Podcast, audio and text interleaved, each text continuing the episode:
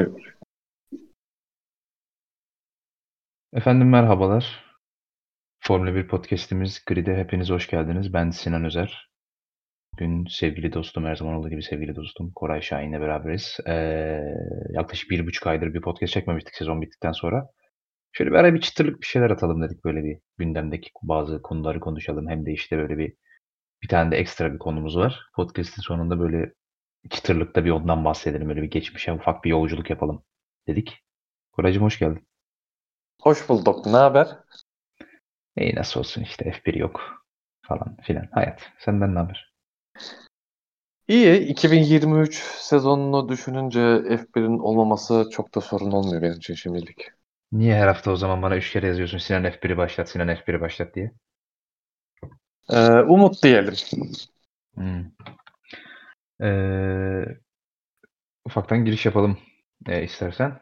Bazı konularımız var biz podcast çekmediğimiz dönemde e, Formula 1 camiasında gelişen. E, Haas'la başlamak istiyorum. Günther Steiner, Haas'ın e, Formula 1'e giriş yaptı 2016 yılından beri takım patronu olan Günther Steiner Haas'tan ayrıldı.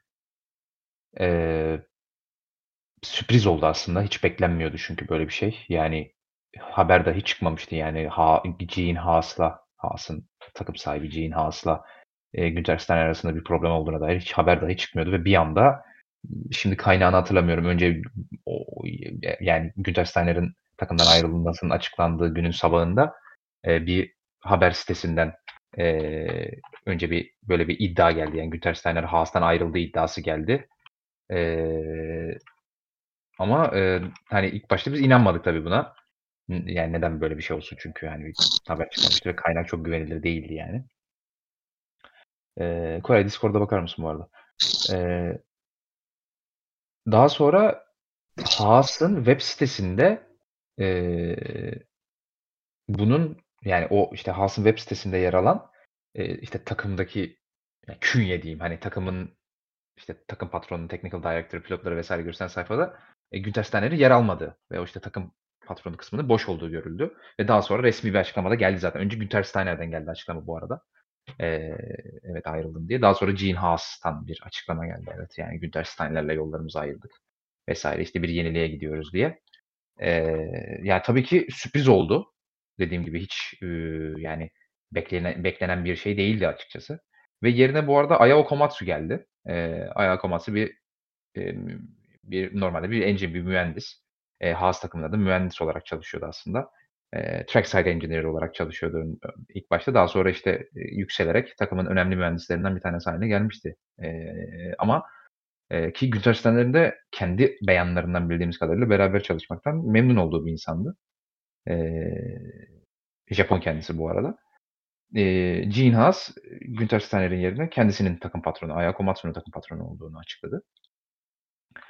E, tabii ki iddialar Eee, birçok iddia gündeme geldi neden böyle bir ayrılığın olduğuna dair. Çünkü Günter Steiner'in çok Haas'la bütünleştiği, hani, di yani diğer takımlardaki takım patronlarından ziyade, hani, şeyi bir kenara bırakıyorum, Red Bull'u bir kenara bırakıyorum. Horner'la da çok Red Bull özdeşleşti ancak, hani, diğer, işte, ne bileyim, Ferrari'deki, McLaren'daki vs. vs. griddeki diğer çoğu takımın aksine takım patronluğu Haas'ta bir görev olarak değil, yani Günter Steiner aynı zamanda o grubun da yönetiminde söz, söz sahibi olan insan gibi davranıyor. Yani aslında ismi dışında her şey Günter Steiner takımıymış gibi. Yani Steiner F1 takımıymış gibiydi aslında Haas. Haas F1 takımı ziyade, o takımından olmaktan ziyade. O yüzden çok sürpriz oldu aslında. Tabii dediğim gibi iddialar çıktı neden bu ayrılığın gerçekleşmiş olabileceğine dair. Ee, işte Gene Haas zaten sonuçlardan memnun olmadığını ve bir şeylerin değiştirilmesi gerektiğini kendi ağzıyla söyledi. Steiner'in ayrılmasından sonra. Hatta utanç duyduğunu söyledi bu sonuçlardan. Tabii ki eleştirilerin ardı arkasız kesilmedi. E, haklı olarak şahsi fikrim. Oraya da geleceğim birazdan. Ama genel olarak bildiğimiz sebep ve hani çok da ekstra da bir sebep çıkmadı. Bir iki iddia çıktı ortaya işte Günter Steiner'in Haas'la, Gene Haas'la olan fikir ayrılıkları vesaire ki bu fikir ayrılıkları da normal aslında olması gayet. Çünkü Gene Haas biraz farklı yönetiyor takımı. Oraya da geleceğim birazdan. Ee, ama sonuçta böyle bir ayrılık yaşandı ve yerine Ayao Komatsu getirildi. Günter Steiner bir, popüler bir figür, figürdü Formula 1 padonunda ve fanlar arasında. O, özellikle de e, Drive to Survive, Netflix'te yayınlanan Drive to Survive serisindeki ünlü sayesinde oldukça da popüler bir figür haline gelmişti. Haline gelmişti ve oldukça da sevilen bir insandı. Ve önemli de bir mühendisti yani. Daha önce Red Bull'da dahi technical director'lık yapmış bir insan kendisi 2000'li yılların ortasında. Aslında önemli de bir insandı. Yıllardır Formula 1 padonunda önemli görevlerde bulunmuş, önemli takımlarda bulunmuş insan bir insandı. E, henüz başka bir takıma anlaşmadı. Zaten çok yeni bu ayrılık. Henüz 15-20 gün oldu. Çok yeni bu podcast çekilirken. E, ancak ben yani çok büyük bir sürpriz olmasa padoktan ayrılacağını pek düşünmüyorum. Mutlaka bir takımda bir görev, belki takım patronluğu olmasa da daha düşük bir pozisyonda başka bir görev e, bekliyorum şahsen. Belki biraz daha day to day operasyonların dışında kalacağı böyle CEO, CEO'luk gibi bir görev olabilir. Yani McLaren'daki şu anki ikili takım patronluğu gibi düşünebilirsiniz. Veya işte Mercedes'te Pedilov'un olduğu dönemdeki Pedilov to, e, adamın adını unuttum. Şu an McLaren takım şey Mercedes takım patronunun adını unuttum. inanamıyorum. Mercedes takım patronun adı neydi oğlum? İnanamıyorum Mercedes takım patronu. Adamın adını unuttuğuna inanamıyorum gerçekten. Toto Wolff evet inanamıyorum. Toto Wolff'in adını unutan F1 po- podcaster mı olur gerçekten inanılmaz. Burada her podcast adını söylediğimiz adamı adını unuttum. E, yani Ted Toto Wolff e, Pedilov dönemindeki ikilik gibi bir pozisyona geçebilir belki bir takımda bilmiyoruz. Ancak şu anda F1'de aktif bir görevi yok Hüdaysa'nın. Ee, sana vermek istiyorum sözü. Kendi fikirlerimi daha sonra açıklayacağım. Böyle bir ayrılık. Ne düşünüyorsun? Haas'ın tabii çok ciddi eleştiriler de geldi Gigi Haas'a. Çok yanlış bir karar olduğunu söyleyenler oldu. Ama Haas'ın durumundan dolayı bir değişikliğin iyi gelebileceğini düşünenler de var. Sen hangi taraftasın bu ayrılık konusunda? Abi ben bu değişikliğin iyi geleceği konusunda şüpheliyim. Çünkü Haas'ın sorunları Steiner'in becerilerinden çok daha öte. Yani Steiner'in takım patronluğu, işte yöneticiliği vesaire sorgulanabilir. Çok hata yaptığı e, bölümler var. Özellikle e, pilot gözle görülür pilot kısmında işte iletişim konusunda bence sorunları olan bir e, yönetici bence Steiner ama ya bunlardan ziyade e, bence asıl sorun Steiner'ın nasıl bir yönetici olduğu değil. E, şimdi bu sezona e, girilirken Haas'ın zaten genelde hedeflediği 7. 8. vesaire Haas'ın bunu az çok yapabildiğini görüyorduk ama son dönemlerde daha çok bir düşüş vardı Haas'ta ve özellikle bu sezon e, çok çok daha fazla gerilediler. Sıralamalarda sezon boyunca bahsediyorduk. E, sıralamalarda çok iyilerdi. Çünkü lastik, lastik e, koruma dertleri çok yoktu ve lastikleri çok çabuk ısıtan bir takım konumundaydı Haas.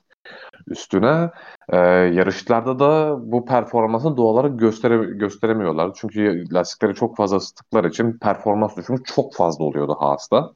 Ve bu da yarışlarda çok çok büyük dezavantaj olarak yansıyordu. Şimdi en azından pist üstünde böyle bir dezavantajı vardı Haas'ın. E, bunun çözümü için de e, doğal olarak e, tamam iyi bir mühendis kadrosu olabilir, iyi bir planlama olabilir, gelecek planlaması vesaire bunları yapmaktan ziyade yapmaktan ziyade bir de bu işin maddi durumu var. Şimdi e, 135-140 milyon e, dolarlık bir bütçe sınırı var. Ve bu bütçe sınırının Haas'ın yaptığı harcama bütçe sınırının yakınına yaklaşamıyor.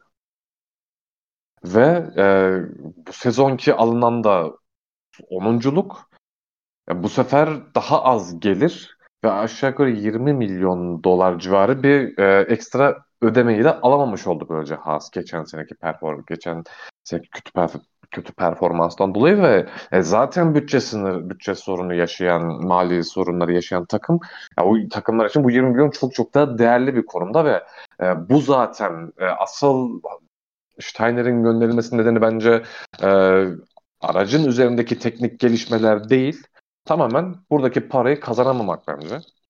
E, hatta şeydeydi Amerika yarışındaydı galiba. E, takımın mali sorunları o hale gelmiş ki yani Gene Haas kendi cebinden bütün güncellemeleri karşılamış araca.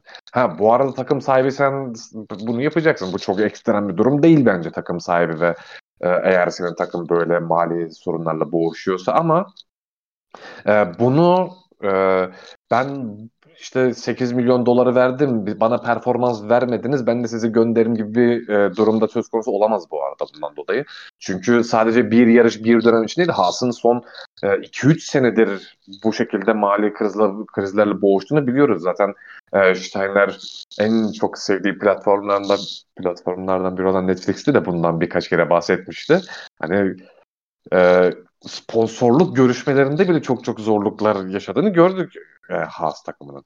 E, bu durumda e, siz e, sponsorlarla e, yeterince işte giderlerinizi karşılayamıyorsunuz, güncellemeleri getiremiyorsunuz, e, araç tasarımı da doğal olarak etkileniyor, e, çalışma ortamınız, çalışanlarınız ona göre şekilleniyor vesaire.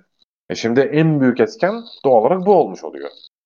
Onun için işte burada Steiner'ın becerilerinden ya da bütün Haas kadrosunun becerilerinden daha çok e, Steiner'ın kovulmasının en büyük nedeni özellikle bu sezon 10. bitirilip e, ek ödemenin alınmaması e, oldu. Ya burada e, ben Steiner'i çok çok hatalı bulmuyorum. Hani tamamen sorumlu olarak görmüyorum. E, burada bence Gene Haas'ın da etkisi çok büyük. Çünkü e, Evet Steiner biraz hani sen de bahsettin şu an e, Haas'ın durumu Steiner F1 gibi. Çünkü neredeyse ha, Gene Haas'ın bile yapması gereken bazı işte sponsorluk görüşmeleri olabilir ya da başka şeyler olabilir. Hani her şey tamamen bu konuda Steiner'e bırakılmış durumda ve e, Haas'ın profilini, Steiner'ın profilini de düşünürsek bence bu çok çok da doğru bir karar değil. Ve özellikle e, Gene Haas'ın da Amerikalı bir e, iş adamı olduğunda düşünürsek bence bu konuda çok çok daha aktif bir rol oynayabilirdi ki zaten e, Amerika'da Formula 1 bu kadar ya bu kadar derken çok çok daha fazla popüler hale gelmiş ve daha iyi bir marketi varken hani bunu bence Gene Haas da yeteri kadar kullanamadı. Hani burada biraz karşılıklı e, hatalar söz konusu ama hani burada ben hatanın daha büyük kısmını eğer kim hani bu Haas'ın başarısızlığına bir sorumlu bulacaksam ben daha ön planlara Gene Haas'ı yazarım. Çünkü onun da e, bu konu özellikle takıma yaptığı yatırımlar konusunda iyi bir başlangıç yaptı ama sonradan işi bayağı cimriliğe karşılığını çok net söyleyebilirim. E, söyleyeceklerim bunlar Haas'la ilgili. Ee, teşekkür ediyorum. Şimdi şöyle bir durum var. Söylediğin şeyde haklısın yani ben para verdim bu takıma update getirmek. Evet yani şimdi e, bunu biraz daha genişletip Haas'ın e, Formula 1'de yarışma modelinin daha doğrusu yani o business modelinin Gene Haas'ın kafasındaki business modelinin başarıya neden istikrarlı bir şekilde en azından dönüşmediğini anlatmak istiyorum biraz. Çünkü e, o sıkıntılı bir model yani Gene Haas'ın kafasındaki model ama ona para kazandırıyor. Oraya da geleceğim. Onun derdi para kazanmak çünkü. Şimdi Haas'ın şöyle bir modeli var. Şimdi arkadaşlar genelde Formula 1 takımları özellikle yani eskiden hani 80'lerde 90'ların başında 90'ların ortasına kadar olan dönemde o F1'e sürekli yeni, yeni girişimlerin olduğu, sürekli birilerinin bir yerlerden şasi satın alıp gidip e, ulan ben bir F1'de şansımı deneyeyim dediği işte bir yerlerden motor alıp bir yerlerden şasi alıp F1'de bir şansımı deneyeyim dediği dönemler çok farklıydı. Yani sürekli 4-5 tane farklı takımı bazen 10 tane farklı işte yatırımcının Formula 1'e girmeye çalıştığını görüyordunuz özellikle 80'lerin sonra 90'ların, 80'lerin ortasından 90'ların başına kadar olan dönemde. Çünkü o zaman o dönemde para da çok fazla vardı dünyada açıkça söylemek gerekirse özellikle Avrupa ve Amerika pazarında. E, sıcak para da çok fazla vardı ve e, hani F1'e girmek de bir takım olarak F1'e girmek de bu zamanki kadar pahalı değildi. Yani işte 30-40 tane toplam e, işte fabrikada ve yarışlara giden ekibiniz olduğu zaman işte bir yerden bir motor tedarik edebildiğiniz zaman, bir yerden de bir araba şasi bulabildiğiniz zaman işte Formula 1'den ayrılmak isteyen bir takımın şasisi olabilir. İşte Dallara gibi, Life gibi, işte e, bağımsız araç şasi üreticileri, motor spor şasi üreticilerinden alabilirsiniz vesaire. Çünkü bu o zamanlar çok popülerdi böyle şeyler. İşte Life vardı, Dallara vardı. Şimdi aklıma gelmeyen birkaç tane daha vardı böyle. E, farklı farklı sporlara şasi üretip satan yarışmak isteyen takımlara satan, girişimcilere satan birçok şasi üretim firması vardı. Bunları da satın alabilirdiniz. Yani örnek vermek gerekirse işte 2-3 milyon dolara bir şasi satın alıp e, yine senelik 3-5 milyon dolara tabii güçsüz olsa da bir motor satın alıp işte 30-40 tane insanı istihdam edip bir Formula 1 programı yaratabilirdiniz kendinizi. Ama şimdi günümüzde gelinen noktada bu çok mümkün değil. Yani çok daha yüksek paralar harcamanız gerekiyor. Yani bırakın önlerde yarışmayı, galibiyetlere, podyumlara yarışmayı. %107'nin içerisinde kalabilecek rekabetçi tırnak içerisinde bir araca sahip olabilmek için bile çok daha yüksek bütçelere sahip olmanız gerekiyor bir takım olarak. E, Gene Haas 2016'dan itibaren Formula 1'e takım olarak Haas F1 takımına sokmak istediğinde şöyle bir karar vermişti. İşte zaten biliyorsunuz hani Ferrari ile hep bir daha başlangıçtan beri bir e, teknik anlaşmaları var. İşte zaten bazı parçaları e, biliyorsunuz Formula 1 takımların diğer takımlarda satın alabiliyorlar. İşte mot motoru zaten alabiliyorlar. İşte gearbox, şey, şanzımanı alabiliyorlar. İşte şasi, şey, süspansiyon alabiliyorlar vesaire vesaire böyle birkaç tane parçayı diğer takımlardan satın alabiliyorlar. E, şimdi buradan zaten bir bütçe kazancı sağlamıştı Gene bu anlaşmayla. E, tepe takımlardan bir tanesinden birkaç tane standartlaştırılmış parçayı satın almak iyi bir avantaj yani. Hem R&D bütçesinden kısıyorsunuz hem işte o parçanın maliyetinden kısıyorsunuz vesaire vesaire. Eee, e, bunun yanı sıra enteresan, o dönem için enteresan olan bir şey daha yapmıştı Haas. Eee, Dallara az önce de bahsettim. Çok büyük şasi üreticilerinden bir tanesi dünyada. Hâlâ hâlihazırda öyle. E, araç üreticilerinden daha doğrusu. Yani motor sporları için araç üreten çok büyük firmalardan bir tanesi. Dallara'yla da bir, eee, şasi anlaşması yapmıştı Gene Haas. Şasiyi Dallara veriyordu. Eee, motoru da zaten ve diğer bazı parçaları da Ferrari'den alıyordu. Çok aslında onlar için karlı gözüküyordu. Ancak şimdi böyle şöyle bir sıkıntı var şu bu, bu durumda arkadaşlar. O, o dönem izleyenler hatırlarlar. 2010'da Formula 1'e giren 3 tane takım vardı. Virgin, daha sonra Marussia ve Manor olan adı ve 2014'te spordan ayrılan. Eee, Lotus, daha sonra Caterham olan ve spordan ayrılan ve eee, HRT, Hispania Racing Team adı verilen ve yine 2012'nin sonunda spordan ayrılan 3 tane takım vardı. Bu 3 takım da şasiyi dallardan alıyordu. Ama bütçeleri herhalde Dallara'nın artık bilmiyorum nasıl bir operasyonel sistemleri var Dallara'nın ancak ya belki de size sağ yani sizin onlara ödeyebileceğiniz miktar kadar bir şasi sağlayabiliyorlar size ki öyledir çünkü onların da kendi bir rüzgar tüneli var vesairesi var bilmem neyi var. Sonuçta siz onlara örnek vereceğim şimdi 10 milyon dolar verirseniz size 10 milyon dolarlık bir R&D sonucunda bir şasi verirler. 50 milyon dolar verirseniz 50 milyon dolarlık bir şasi size sunabilirler ve update'leri de sunabilirler sonuçta. Ve sizin e, sadece şasi almanız yetmiyor. Sonuçta sizin kendi teknik ekibinizde, mühendis kadronuzun da bunun işte e, up, işte bu, bu şasiye getirilecek olan update'leri e, sürekli yani bu, bu operasyonu yürütmeleri gerekiyor. İşte buna doğru setup'ı pilotlar için doğru setup'ları bulacak e, yine yarış mühendislerine ihtiyacınız var vesaire vesaire. O operasyon da sonuçta lazım. Yani sadece dallardan şasiyi aldım, oradan motor aldım, işte Cosworth'ten motor aldım da bitmiyor bu iş. E, ve bu iş takım başarısız olmuştu bu konuda e, Formula 1'de kaldıkları seneler boyunca e, hep en arkada yer aldılar. Hiçbir zaman önleri zorlayamadılar. Hiçbir zaman puanları zorlayamadılar. E, sadece bir kez e, Jules Bianchi ile Monaco'da e, Manor puan alabildi. E, onun dışında çok başarısızdı bu üç girişimde. Yani Formula 1'in günümüzde gelindiği noktada kısaca, çok uzatmak da istemiyorum bu kısmı. E, şasiyi kendiniz üretmeyip başka bir yerden almak çok e, yürütülebilir rekabet anlamında yürütülebilir bir iş değil. Ama enteresan şekilde Haas 2016'da e, girdiği zaman Formula 1'e e, şasiyi dallardan almış olmalarına rağmen ve işte iki, e, şeyi de e, motoru da Ferrari zaten güncel motorunu vermişti onlara. 2016 motorunu vermişlerdi. E, yani ilk sezonları için saygı duyulur bir performansa sahipti. Zaten ilk yarışında puan almıştı Roman Grosjean'la. Roman Grosjean ve Esteban Gutierrez ikilisiyle yarışıyorlardı. Gutierrez yani bir pay driver'dı açık söylemek gerekirse. Hiçbir zaman F1'de çok ciddi bir varlık gösteremedi. Kötü bir pilottu açıkçası. F1'e, F1 kalibresinde bir pilot hiçbir zaman değildi. Arkasındaki sponsorlar sayesinde. Bir pay driver'dı yani. E, zaten bütün sezon boyunca da puan almadı ama Grosjean ilk iki yarışta 6.lık ve 5.likle gayet iyi puanlar aldı. Yine İspanya'da şey e, yine sezonun geri kalanında da toplam yanlış hatırlamıyorsam 25-30 puan civarı bir puan almıştı ve 8. bitirdi Haas. E, F1'e girdiği ilk sezonda. En azından sonuncu olmadı ve iki takımı da arkasında bırakmayı başardı. Bu saygı duyulacak bir performanstı aslında. Çünkü dediğimiz gibi şasiyi başkasından alan bir e, takımdı e, Haas. Belki biraz da buna güvenerek 2017'de aynısını yaptılar. Şasiyi yine dallardan aldılar. Ve aslında e, bu sefer ikinci pilotları Magnussen de 2017'de e, Esteban Gutierrez yerine yine daha kaliteli en azından daha size performans verebilecek pilot, bir pilot en azından e, kağıt üzerinde e, Magnussen o zaman öyleydi. Ve aslında bunun meyvesini yediler. Her ne kadar şampiyonu yine 8. tamamlasalar da 2017'de dallardan aldıkları şasiyle. En azından e, puanını arttırdılar. Bu sefer iki pilotuyla birden puan alabilen bir takım haline geldi ve 47 puanla tamamladılar e, 2017 sezonunu. E, 2018 sezonu Haas'ın en başarılı olduğu sezon. Yine şasiyi dallardan alıyorlardı. E, ama bu sefer şampiyonayı 5. bitirdiler 93 puanla Grosjean Magnussen ikilisiyle. Ve e, yanlış hatırlamıyorsam Grosjean'ın bir dördüncülüğü de vardı.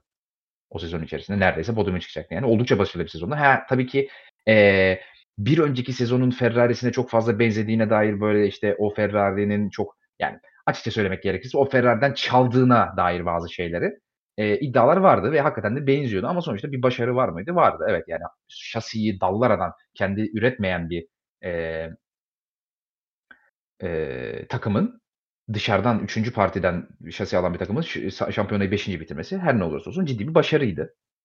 Eee, ve Gene Haas'ta şöyle bir yanılgı oldu. Şu an gelinen noktada yanılgı diyorum buna. Ya biz bu operasyonu yürütebiliyoruz. Yani şasiyi başkasından alarak ama kendi mühendislerimizi kullanarak, kendi technical director'ımızı, kendi designer'ımızı kullanarak eee, ve işte güncellemelerini getirebiliyoruz bu şasiyi. Sezon boyunca saygı duyulur çerçevede, hani çok mücadeleci olmasa da belli respectable bir seviyede, eee, updateleyebiliyoruz. E, e, tamam yani bakın böyle 5. bile olabildik. Yani ve her sezon 5. olmamıza gerek yok. Biz buralarda takılsak yeter kafasına girdi çok büyük ihtimal Gene Haas. E, çünkü bu hem bütçe olarak onu zorlamıyordu. Cebinden çok fazla para vermesine gerek kalmıyordu. E, hem de, eee, çok büyük sayı olarak bahsediyorum. Çok büyük ekiplerle çalışmasına da gerek kalmıyordu ve en büyük art artısı da şuydu: Eee, kendi fabrikasını genişletmesine gerek yoktu. Yani kendi rüzgâr tüneli yoktu Haas'ın.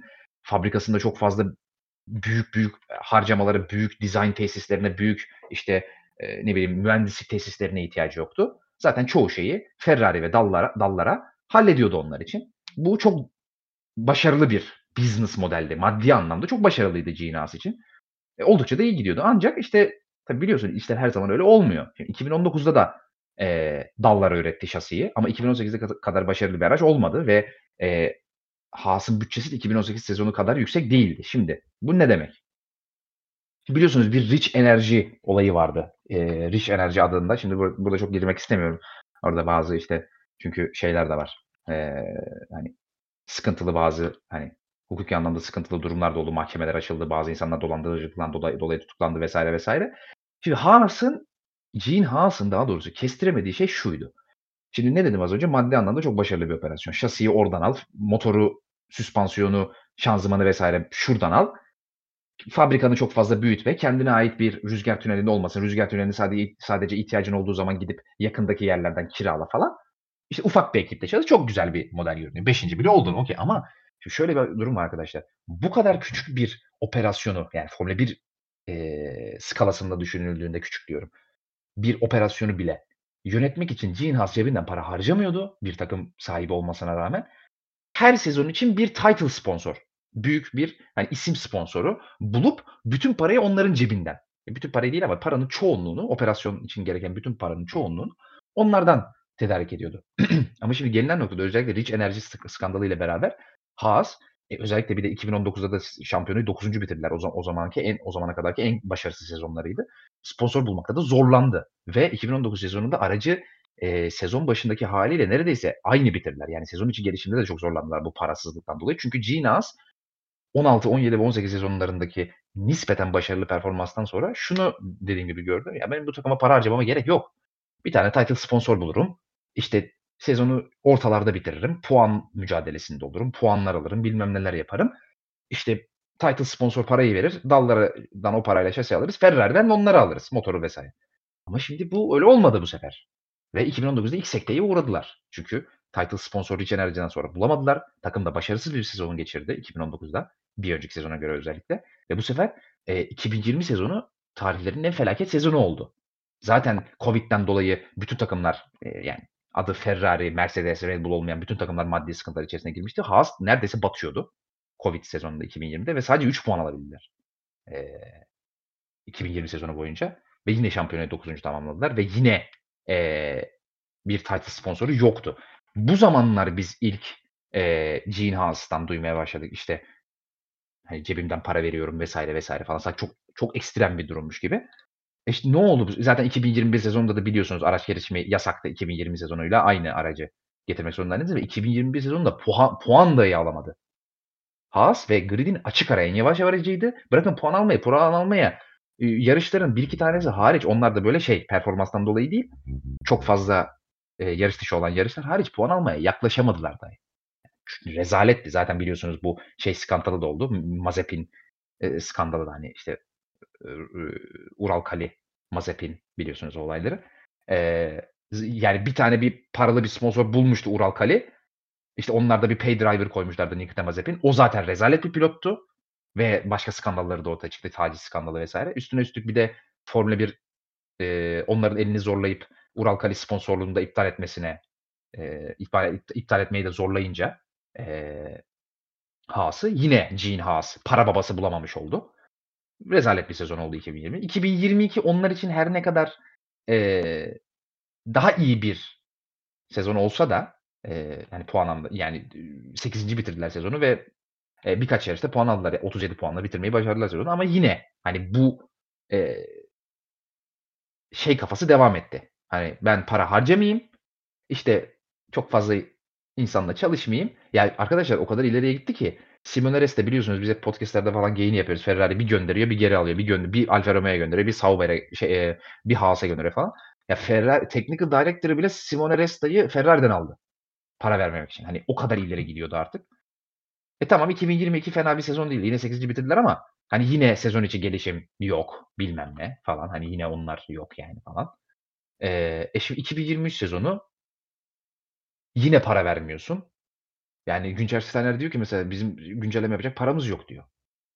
E, MoneyGram geliyor mesela. MoneyGram diye bir firmayla anlaşıyorsun. Bir title sponsor olarak. MoneyGram para verecek biz iyi olacağız bu sene gibi açıklamalar geliyor. Günter Steiner ve Gene Haas'tan. MoneyGram sonra biz para vermiyoruz diyor. İşte o kadar bütçeme özür dilerim söyledikleri kadar bir e, bütçe yatıramayacaklar ortaya çıkıyor sezon başladığında. E, yine para yok. Şimdi yani kısaca toparlamak gerekirse arkadaşlar şasiyi oradan alayım. Motoru bilmem neyi şuradan alayım. Hiçbir şey yapmayayım. Kendi rüzgar tünelim olmasın. Büyük fabrikam olmasın. Çok çalışanım olmasın. Ve bu bunların bile bu kadar küçük bir operasyonu bile parasını cebinden vermeyeyim. Hep bir sponsor bulayım. E öyle olmuyor işte. Patlıyorsunuz bir yerde. Ve patladılar da 2023'te. Zaten 2021'de de patlamışlardı. 23'te de patladılar. Yarın öbür gün 2024 için bir para babası bulamazlarsa gene patlayacaklar. Yine 2024'te de çok kötü olacaklar. Çünkü Gene Haas cebinden para vermiyor. E, vermiyor. Ve yani şimdi böyle bir şey yok arkadaşlar. Yani siz bir fabrika takımı değilseniz ki fabrika takımı ne demek hep söylüyoruz podcastlerimizde bir daha hatırlatalım. Arkanızda bir otomobil üreticisi yoksa Honda gibi, Ferrari gibi, ne bileyim Alfa Romeo gibi, Audi gibi, Porsche gibi, Ford gibi, McLaren gibi vesaire yoksa e o zaman siz cebinizden para vereceksiniz takım sahibi olarak. Veya o parayı hep bulacaksınız. Öyle bir hani marketing e, dehası olacaksınız ki siz sürekli para getiren birilerini bulacaksınız. E şimdi e, ne onu yapabiliyorsun ne onu yapabiliyorsun. E bir de üzerine kalkıp Günter Steiner'ı suçluyor. Günter Steiner ne yapsın abi? Ha, e, çok mu iyi takım patronudur? Hayır değildi. Tabii ki hataları vardır. Eleştirdik de daha bu, bu. Yani elinde verilen bütçeyle e, daha iyi technical director'lar bulabilir miydi? Daha iyi mühendisler bulabilir miydi? Daha iyi chief designer bulabilir miydi? Evet bulabilirdi. Tabii ki her zaman daha iyisi vardır. Ama yani sen şimdi kalkıp işte takımın takımın sonuçlarından utanıyorum diyorsun. E sensin abi sorumlusu Cinaz. E para vermiyorsun, para getirmiyorsun, para bulmuyorsun. E kalkıp sonra diyorsun ki e, al, alınan puanlardan utanıyorum. Ya bir kere beşincilik alınca şampiyonada o zannetti ki bu sürdürülebilir bir model. Hayır arkadaşlar değil. Böyle böyle bir model sürdürülemez. Sürdürülemez yani. Bir noktada patlarsın. Patladın işte. E patladın yani. Ya senin ya arkadaşlar kendi şasisini kendi üretmeme ve kendi rüzgar tüneli olmayan oradan buradan rüzgar tüneli alıp da başarılı olan Formula 1 takımları 90'larda kaldı. Yani bitti o iş yani. Ha, şimdi gelinen noktada daha tekrar sözü Kore'ye şöyle vereceğim. Şimdi asıl enteresan olan olay ne biliyor musunuz? İşte günlerdir şey konuşuluyor. Diyorlar ki işte Gene Haas niye? Biz de bu arada son podcastimizde konuştuk hatırlıyorum ben. Haas'ı değerlendirirken Haas'ın sezonunu. Dedik ki niye devam ediyor Haas? Çünkü niye devam ediyor biliyor musunuz arkadaşlar? Normalde bir araç, bir takım eskiden olsa Formula 1'de mevcut Concord anlaşmasından daha eskiden olsa. Yani ya da şöyle söyleyeyim Concord çok o detaya gireyim. Liberty Meydan'dan önceki Formula 1 olsa diyelim. 2010'la 2014, 15 veya 10, 17'de kadar da gitmiyorum da 14, 15'ten önceki Formula 1 olsa bir takım hem sahibi para vermediğinde hem de sponsor para babası bulamadığında çoktan Formula 1'den ayrılmıştı. Geçen sene ayrılmıştı Haas. En, er, en erken. Pardon en geç. Hadi olmadı bu sene kesin ayrılmıştı. Ama şimdi niye ayrılmıyor? Çünkü şimdi biz hep şey meselesinde bahsediyoruz ya e, Andretti Formula 1'e girecek meselesinde. Şimdi Concord anlaşmasında ne yazıyor arkadaşlar? 200 milyon dolar veren girer.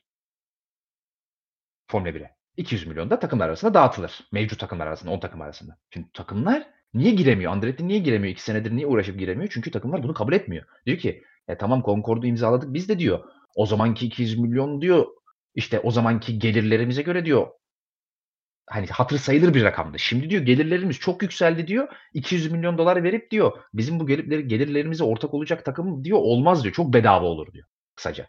Diyorlar ki 600 olsun. Andretti onu da kabul etti. Şimdi takımların bazıları yine diyor ki 600 de çok az.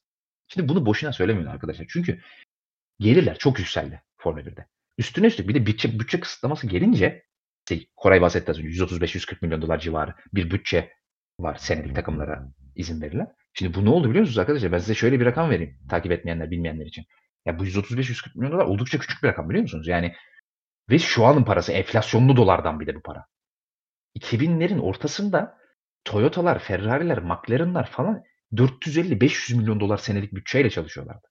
Ve o zamanın doları bile. Yani şu an bir 600-650'ye falan tekabül ediyordur herhalde. Enflasyonla tam bilmiyorum ama yani o zamanın bütçeleriyle bile. Yani şu anın 4-5 katı para basıyorlardı. Formula 1 programlarına. Yani şu an bu 135 milyon dolar bir şey değil aslında bakıldığı zaman.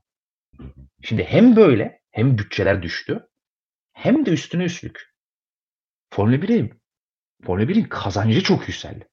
Yani e, birazdan Madrid Madrid'in takvime girmesinde de değineceğiz zaten. E, şeylerin e, ülkelerin yarış yapabilmek için Formula 1 verdiği paralar çok yükseldi.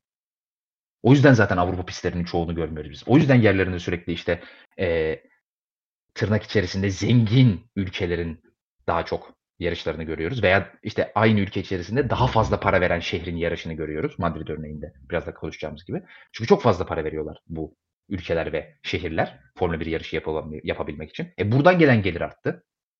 E işte e, yayın gelirleri çok fazla arttı. Yani şimdi açık söylemek gerek yani her zaman da övmüşüzdür. Liberty Media'nın yaptığı beğenmediğimiz bir sürü şey varsa çok saygı duyulması gereken bir şey de Formula 1'i çok daha marketable ve takımlar içinde çok daha gelir elde edilebilir bir modele dönüştürdü. Çok fazla yayın geliri var Formula 1'de eskiye göre. Şu 4-5 senedir özellikle çok fazla arttı. E şimdi bu kadar para varken Formula 1'de kısaca eski takımlar da bunu böyle pastayı bölmek istemiyor 11. 11. Ha ama şimdi ne oluyor? Ginaz niye ayrılmıyor? Çünkü niye ayrılsın arkadaşlar? Para kazanıyor. Cepten para vermiyor. 3-5 bir şey hariç. Çok zorunlu durumlarda. Onu da zırlaya ağlaya veriyor zaten. Koray da söyledi az önce. Bir 8 milyon verdi diye kafamızı sikti.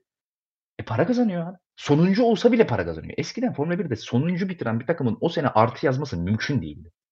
Çok ciddi bir pay driver'ı yoksa. Böyle işte atıyorum Sergio Perez ilk Formula 1'e gittiğinde Sauber'e mesela Carlos Slim Meksika'nın en zengin adamından hayvan gibi bütçe yağıyordu. O zaman sonuncu olsa bile kurtarıyorlardı. Ama şimdi yani zaten şeyde pay driver yok. Haas'ta. Para babası yok. Sa sahibi de para vermiyor. Bu takım nasıl kurtuluyor? İşte böyle kurtuluyor arkadaşlar. Çünkü takım sezonu sonuncu bitirseniz bile Concord'dan en az payı alsanız bile yayın gelirlerinden en az payı alsanız bile işte prize money'den en az parayı alsanız bile gene artı yazıyor bütçeye. Gene artı yazıyor. Senelik en az 30-40 artı yazıyor bütçeye. Belki daha fazla. O niye ayrılsın ki Gene Haas? Şimdi Formula 1'in böyle bir sorunu var şu anda. Yani Gene Haas gibiler Formula 1'e girip başarısız olup yine de Formula 1'de kalmaya devam edecek kadar para kazanabiliyorlar artık. Eskiden böyle bir şey yoktu. Yoktu yani. Kazansanız bile eksi yazıyordu ya. Ya diyorum ya işte Toyota Moyota 450-500 milyon dolar senelik bütçe verip yarış kazanmışlığı yok Toyota'nın. İki tane pole pozisyonu var sıfır galibiyet. Üç tane pardon. Sıfır galibiyet.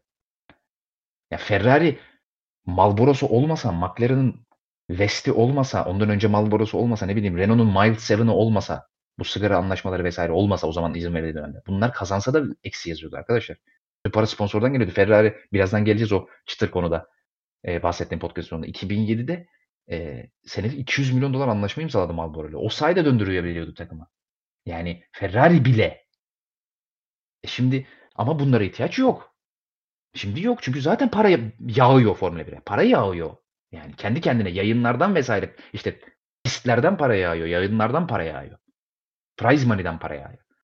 E şimdi Formula 1'in oturup özellikle FOM'un yani FIA ile FOM'un oturup yani bunun bir önüne geçmesi lazım. Gene Haas gibiler başarılı olmaya ihtiyaç duymadan Formula 1'de kalabiliyorlar. Ve diğerlerinin de girmesine engel oluyorlar. Şimdi Andretti büyük bir yatırım da ya adam diyor ki ben yarışacağım. Yani benim, benim arkamda büyük bir kuvvet var. Yani şeyi alması konuşuluyor. Biz de anlattık burada podcast'te işte. Arkasına General Motors'u alması, GM'i alması konuşuluyor.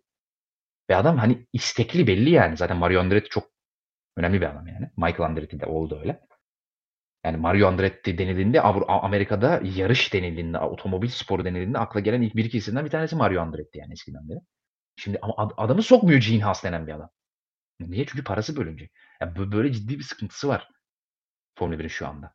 Yani e, bu, bu işte hepsi birbirleri girift ve bunun bir an önce önüne geçilmesi gerekiyor. Yani nasıl geçilir Çok e, radikal kararlar da alınması gerekebilir yani. Hani e, yani gerekirse diyeceksin ki abi şasiyi kendin üreteceksin. Kendi rüzgar tünelin olacak. Kimseden kiralayamayacaksın. Ne bileyim atıyorum Alfa Tauri'de mi patlayacak? Evet patlayacak. Patlasın abi. Diyeceksin ki sen kendi rüzgar tünelin olacak. En az şu kadar adam çalıştıracaksın. En az şöyle bir e, fabrikan olacak. Kendi operasyonunu yapacaksın. Bilmiyorum. Tamam, sadece, sadece diyeceksin ki mesela motoru alabilirsin. İşte motorla beraber şanzıman tamam. Transmission'ı al. Tamam onlar çok bağlantılı şey. Bu kadar. E bu sefer ne olacak? Ginas gibiler para harcamadan Formula 1'e giremeyeceğini anlayacaklar. Biz de böyle rezaletlerle uğraşmayacağız. Çok uzattım farkındayım. Ama bu e, kazanamamalarına rağmen para hiç hiçbir başarıya ihtiyaç duymadan para kazanma olayını senin de bir değerlendirmeni istiyorum Koray. Çünkü bence bu ciddi bir sıkıntı. Ya bak işte Andretti'yi sokmuyorlar yani. Ne diyorsun bu konuda? Koray. Sinan son cümleyi bir tekrarlar mısın? Telefon çaldı da son cümleni duy- duyamadım. Şöyle yani dedim ki hani bu Formula 1'e gir hani başarılı olmamalarına rağmen Gene Haas gibilerin Formula 1'de kalmaya devam etmesi takım olarak ve diğerlerini de sokmaması, sokmak istememesi parası bölecek diye bence ciddi bir sorun. Sen bu konuda ne düşünüyorsun? Yani bunun konuda Abi zaten e, şu an senin bu bahsettiğin özellikle mali durumlar. Bu sadece takımlar üzerinde de dönüyor bu arada. İşte bu e, aynı şeyi pistler için de söylüyoruz. Onlar daha sonra yine geliriz ama işte bu e, sürdürülebilirlik olarak ve özellikle sporun e, itibarı olarak çok büyük eksi yazar gelecekte. Şöyle yani mesela Ferrari, Red Bull, Mercedes gibi takımların varlığı ya her zaman bu sporu bir seviyede tut, tutacaktır her zaman. Yani çünkü bu takımlar başarısız olduğu dönemlerde bile hani isimleriyle en azından Formula 1 marka değeri katabilen takımlar. Ve evet e, kar amaçları tabii ki var. E, ama birincil olarak yani Formula 1'deki görüntüsü kar değil bu takımların. En azından yani şampiyon olmak, rekabetçi olabilmek, senin bahsettiğin Gene Haas, eğer o sen yine şimdiden çok net bir şey söylemek bence çok doğru olmaz ama Andretti de aynı şekilde bu yolda devam ederse Hani bu ya Formula 1'i tamamen 3 takımlı 4 takımlı bir spora çevirecek. Sen gridde 10 takım 11 takım görürsün ama hani Formula 1'in Formula 1 4 takımın yarışta bir spor haline gelmiş olacak. Hani bu e, seyirciler ve hani bizim açımızdan söylüyorum ya direkt olarak bir e, ya, yarışları çok çok da keyifsiz hale getirebilecek bir durum. Ha bu şey demek değil. İşte ben e, bu spora kar amacıyla girdim. Çok fazla etkili karıştığım gibi bir durum tabii ki değil. Ama e, ya yarışçılık ruhuna uygun bir şey değil. E siz şimdi bu ruha, bu e, felsefeye uygun davranmazsanız, bunun gerektirdiklerini yapmazsanız e, doyuramazsınız. En azından pist üstünde doyuramazsınız ve hani bu e, Formula 1 marka değeri için hani çok büyük bir zarar. Hani diğer takımların durumundan ziyade e, zaten e, işte sen 2010'lardaki takımların örneklerini verdin işte Maruzia vesaire. Mesela bu takımlar senin dediğin gibi kalıcı olabilmiş olsaydı bu dönemki e, anlaşmalar, işte kar durumları vesaire eğer o dönemde de olsaydı şimdi muhtemelen biz işte Alpinler, Malpinler yerine belki Maruzia'ları falan görecektik. Yani mesela şu an Alpinlerin ya da All kalibre takımların şeyini görmüyoruz. Evet yarışlara e, hani ön gruptan çok gerideler evet ama yani bu takımlar hala e, mesela Aston Martin buna çok güzel bir örnek. E, yaptığı yatırımlar 2026 hedefi vesaire şu an çok en son podcast'ta bahsetmişti. Çok iyi bir planlamayla gidiyorlar ve e, gelecekte aday olabilecek konumdalar en azından kağıt üzerinde. Ve bu işte biz şampiyonlukta işte Ferrari, Mercedes, e, Red Bull diyorsak gelecekte Aston Martin de buraya eklenecek takım olarak yazabiliyoruz ve bu en azından kağıt üstünde olumlu bir durum. Çünkü e, farkları falan onlardan bağımsız olarak söylüyorum. Eğer bu ihtimalle şampiyonluğa yarışacak takımlar arasında şimdi tek takım iki takım şampiyonluk yarışması mı tercih edilir? Yoksa daha karman, daha karışık, yoksa e, daha fazla takımın şampiyonluk ya da galibiyet için mücadele verdiği yarışları mı tercih eder izleyenler? Ya bu ve bu bu arada sponsorlar için de geçerli. Hani Formula 1'e Formula 1'in şu ana kadar maddi olarak bu kadar yükselmesine neden olan e, firmalar için de geçerli. Şimdi bu firmaların e, buraya girmesinin en büyük nedeni çünkü Formula 1 izlenebilir izlenebilirliği artmış bir spor. Hani tamam bu 2023 sezonu biraz bunun aksini gösteriyor ama e, Liberty Medya'nın şu ana kadar yaptığı en büyük iş kesinlikle bu. Hani Formula 1'i güzel tanıttı. Hani izlen, izlenirliği arttırdı, e, daha fazla ülkeye açıldı, işte bu, bu daha fazla sponsor olarak doğal geri döndü. Özellikle işte paralı ülkelerle biraz bu durumu kurtardı ama hani bunun dengesini tutturamamıştık. Zaten bunu eleştirmiştik. Hani bu tarz bir sorun olmadı. Şu an çok çok iyi para kazanan bir spor haline geldi bu şekilde. E şimdi e, bir önce verdiğim Aston Martin örneğindeki gibi ya da Alpine biraz daha zayıf bir örnek oldu ama Aston Martin daha iyi bir örnek.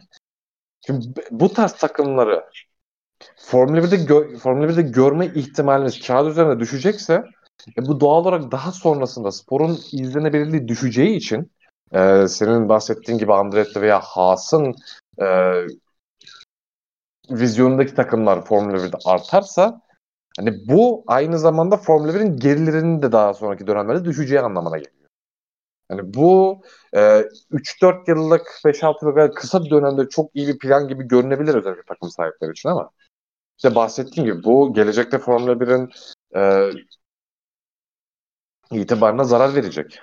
E, sporun siz ne kadar iyi reklam yaparsanız yapın e, bu spor daha fazla bir şey vaat etmiyorsa daha fazla yenilik sonuç, sonuçta ya, ya teknolojik olarak öncü bir spor ve hani bunlar, bunları daha önceden de bahsetmiştik hani sadece Formula 1'deki teknoloji Formula 1 ya da diğer motor sporlarını etkileyen bir mühendislik dönmüyor burada.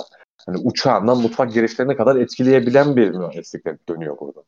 E şimdi e, bunların getirisi, bunların artısı ya da ihtişamı ne derseniz bunlar indirgenmiş olacak. E, bunlar tamamen zarar verecek spora. E, evet Ferrari, Red Bull, Mercedes atıyorum başka bir takım katılırsa bu bölüme onlardan bahsedeceğiz ama şimdi bunların da spora artısı doğal olarak indirgenmiş olacak. Çünkü 11 takım var. 10 takım var. Ya da kaç, tak, tak, kaç takım varsa hani e, bu sistemde asla 3 takım. Bak, bakın mesela Williams. Bunun bence çok güzel örneği. E, Formula 1 tarihine çok büyük damga vurmuş bir takım ama son 10-15 yıllık hallerine bakıyoruz rezalet.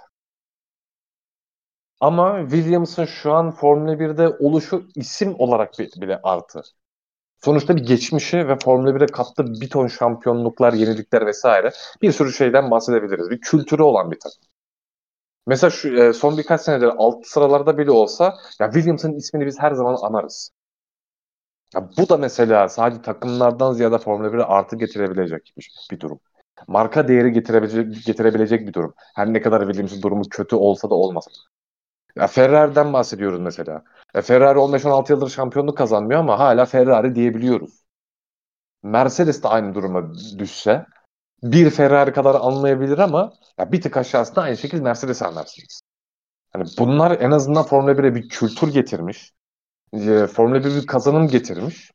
Ve Formula 1'i ayakta tutan takımlar ve değer kazandırabilmiş takımlar hani bu, bu şekilde geldi. Hani onun için mesela Williams'ın durumu vesaire ben e, evet kötü, işler kötü gidiyor ama Williams'ın Formula 1 için değerini asla aşağı indirmez benim gözümde. Ama diğer takımlar asla bu senin bahsettiğin işte Haas gibi, ne bileyim Andretti de aynı yoldan giderse bu tarz takımlar işte asla bu şey getiremeyecek. E bundan sonra ne olacak? Evet e, şeyden bahsediyoruz. İşte Red Bull, Mercedes, e, Ferrari işte bunlar yarışamadığı zaman hala isimleri işte kültlükleri vesaire kalır ama e şimdi e, isimler kalır doğru ama şimdi bunun bir de bir tarafı daha var. E, şimdi Williams uzun süredir şampiyonluğa yarışmıyor. Bu Formula 1'de onları bence hala değersiz kılmıyor çünkü dediğim gibi isimleri var. E şimdi e, Red Bull Red Bull örneği var bir de. Ya aynı şeyleri e, Williams'ta yaşadı ama Red Bull daha taze değil. Şimdi biraz ondan bahsedeceğim. Şimdi Red Bull'un e, 2008'den başlayan aslında yani çok çok büyük bir yükselişi var. Ve işte dört tane üstte şampiyonluk Ve daha sonrasında e, Red Bull'un e, 2014 turbo hibrit çağıyla beraber çok çok büyük sıkıntılar yaşadığını gördük. İşte bu buna çok fazla e, maddi sorun e, eklenmedi ama e, ya takımın e, özellikle işte 2010-13 ve şimdiki döneme bakıyorsunuz aradaki birkaç senelik dönemi rezalet olarak görüyorsunuz. Bir anda tepe, dip tepe gibi bir durum söz konusu. E şimdi mesela bu değişken de bence e, Formula 1'e izlenebilirlik ya da ilginçlik katan durumlardan biri. Çünkü ya bu bir başarı hikayesinden de bahsedebilirsin. Yani bu mesela Red Bull'un bu Formula 1'e kattığı, buradaki yaptığı başarı hikayesi e, maddi değil. Red Bull'un mesela biz ettiği karı konuşmuyoruz. Red Bull kötü olduğu dönemlerde bile hani pandemi dönemi vesaire haricinde tutarsak çok büyük mali kriz yaşamış bir takım değil. Yani, ve elinde Vettel ve Ricardo gibi pilotlar vardı. Hani bu bile Red Bull'u o kadar e, çok aşağı maddi olarak çekmedi. Çok çok büyük sıkıntılara sokmadı. Ya evet işte şampiyonlukları vardı, sponsorları büyüktü ama ya başarısızlık vardı ama daha sonrasında bunu bir başarı hikayesine çevirip ya bundan e, atıyorum 20-30 yıl sonra biz e, nasıl daha sonra ya daha sonra bundan daha daha değeri da, değeri daha iyi anlatılacak ve yani Red Bull'un Formula 1'e kattığı bir hikayeden bahsedeceğiz. Atıyorum işte Red Bull özellikle Nüvi ne bileyim işte ya bu tarz şeyler çok konuşulacak. Biz mesela şu an bile hala Nüvi'nin e, artık bizi bir sal cümlesinden bahsediyoruz ama ya bundan 10 yıl sonra Nüvi'ye baktığımızda işte belki Formula 1'de artık böyle isimler olmadığını görünce yani işte Formula 1 neydi ne hale geldiği konuşacağız. Ve o dönem çok bu dönem şu anki 10 yıl sonra çok daha efsanevi bir şekilde anlatılmaya başlanacak. Ee, şimdi bu etkilerden tamamen yoksun takımlar olacak. Çok fazla daha örnek vermeyeceğim. Şimdi e, şu an dediğim gibi çok değerli görülmeyebilir ama ya bu takımların daha sonra eğer çok çok büyük değişimler, şansları yaver gitme mesela senin 2016'da Haas örneğini verdiğin gibi e, her şeyin tamamen dört dörtlük olduğu, her şeyin bir yere oturduğu bir durum söz konusu olmazsa ya bu takımlardan böyle hikayeler görmeyeceğiz. Yani sen e, Haas durumunu çok güzel anlattın. Mesela Haas'tan asla böyle bir şey çıkmıyor. Yani şurada 8 yıl oldu. 8 9 sene oldu. Yani böyle bir hikaye çıkaramazsın şu an Haas'tan. Evet çok e, yeni bir takım diye de, de, diyebiliriz en azından diğer takımlara baktığımızda ama yani şu ana kadar bu e, vizyonda en azından bu etki yaratamadılar ki aslında herhangi bir etki bırakabilmek için çok az bir sürede değil. Yani mesela Haas'ın e, Formula 1'e ilk girdiği sene ya biz şey olmuştuk işte ya bunları Toyota Toyota yapıyordu falan. Hani onlar yine çok büyük bir üretici markalar olarak Formula 1'e giriyordu ve acaba bir şeyler olacak mı falan kafasına da girilmişti. Çünkü o umudu bir ufaktan vermişti Haas ama hani gördük ki en azından tek sezonluk her şeyin bir araya geldiği bir proje olarak gördük biz Ondan sonra hiçbir zaman böyle e, her şeyin bir araya geldiği bir sezon görmedik Haas'tan. Hani böyle olunca durum başarı hikayesinden çok şansı yaver git durumuna düşüyor ve bu doğal olarak zarar veriyor. Hani dediğim gibi bu sadece takıma verilen bir zarar değil, Formula 1 marka değerine de zarar veriyor. Ha, tek tük takım olarak bahsedersen, atıyorum sadece Haas üzerinde söylersen, ya bu çok çok büyük etki yaratmaz ama atıyorum bundan sonra işte Alfa Romeo aynı şekilde. Ee, Andretti de aynı şekilde. Ya bu takımların sayısı artarsa arttıkça ya bu iş daha büyük zararlar vermeye başlayacak. Ya onun için e, e, sürdürülebilirlik olarak çok iyi bir proje olmayacak bu.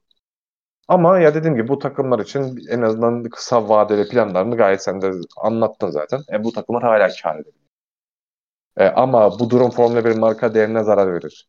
İzlenebilirlik düşer ve doğal olarak bunda da sponsorlar etkilenirse bu sefer daha büyük patlar spor. Ve bu yani sporu dağıtabilecek duruma gelir. Zaten e, motorlar işte hibrit mi daha sonra şimdi e, başka teknolojik gelişmeler yaşanıyor şimdi. E, batarya üretimi vesaire biraz sıkıntılı seviyeye düşmüş durumda. Sonuçta Formula 1 araçları üretilirken işte yol araçlarının etkisi vesaire işte güncel teknoloji takip ediliyor. E şimdi bu durum değişirse Formula 1'de de çok büyük değişimler olacak. E, bir anda hibritten e, tamamen vazgeçilmez ama başka yöne yönel, yönelme durumu da var. Atıyorum hidrojen vesaire. E, şimdi bu durumlarla üst üste geldiğini düşünsene. Atıyorum böyle bir değişim tekrar yaşamak zorunda kaldı Formula 1'de. Ve üstüne e, zaten bu, bu tarz bir kar, kargaşa 2000'lerin son döneminde yaşanmıştı Formula 1'de. Ve daha büyüğü yaşanacak. Üstüne ekonomik kriz denk gelmişti. E, burada da bu sefer e, materyal krizi devreye girebilir. Yani onun için hepsinin bir araya gelmek çok çok daha büyük sıkıntılar oluşabilir. Onun için bu sürdürülebilir ve Formula 1 için çok fazla hatta hiç neredeyse e, artı kazandır kazandırabilecek bir şey değildi. Ben de çok unuttum. Söyleyeceklerim bu kadar. Yo, güzel. Ağzına sağlık gayet katılıyorum söylediğin her şeye. Yani kısaca arkadaşlar Gene Haas gibi çakalların hiçbir başarıya ihtiyaç duymadan para kazanabileceği bir modele izin vermemesi gerekiyor Formula 1'in. Yoksa felakete sürüklenir yani. Ee, gene konuşuruz zaten bu konuyu. Bu çok bitecek gibi bir konu gibi görünmüyor kısa vadede. E, şimdilik geçiyorum çok uzun vakit ayırdık çünkü bunun beklediğinden daha uzun vakit ayırdık yani. Ee, çok yeni bir haber. Dün bu podcast'in çekilmesinden bir gün önce ee, açıklandı ama birkaç gündür konuşuluyor zaten birkaç haftada daha doğrusu. E, Madrid'de e, Formula 1 yarışı yapılacak arkadaşlar 2026 sezonundan itibaren. 10 senelik bir anlaşma yapılmış. Daha henüz pist bile yok ama işte Madrid'in Madrid'de bir cadde pisti yapılacak yani. E, senelik 50 milyon dolar oldukça yüksek bir fiyat. Özellikle de bir Avrupa şey, e, ülkesinin veya bir işte belediyesinin çok verdiğini duymadığımız tarihte bir fiyat. Oldukça yüksek bir fiyata ve Barcelona'nın yerine geçecek. Yani 2026'dan itibaren eğer bir değişiklik olmazsa planlarda Barcelona'da yok.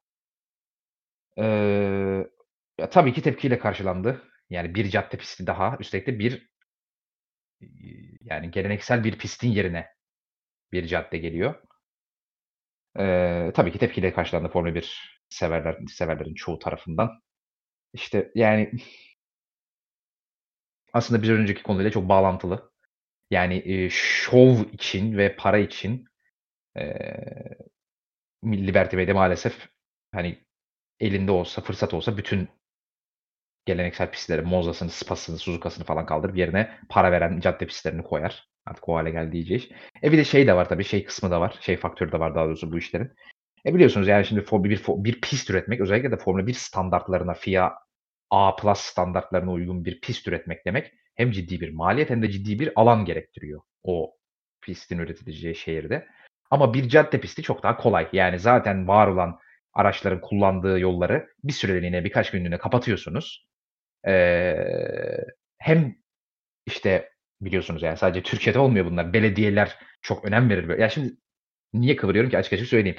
İşte şimdi eee, İstanbul Park kocaman bir kompleks değil mi yani? Oldukça geniş. Çok ciddi bir yatırım yapıldı oraya zamanında. Çok ciddi bir alan, hani metrekare olarak çok ciddi bir alanı kapsıyor. E, şu an bomboş duruyor.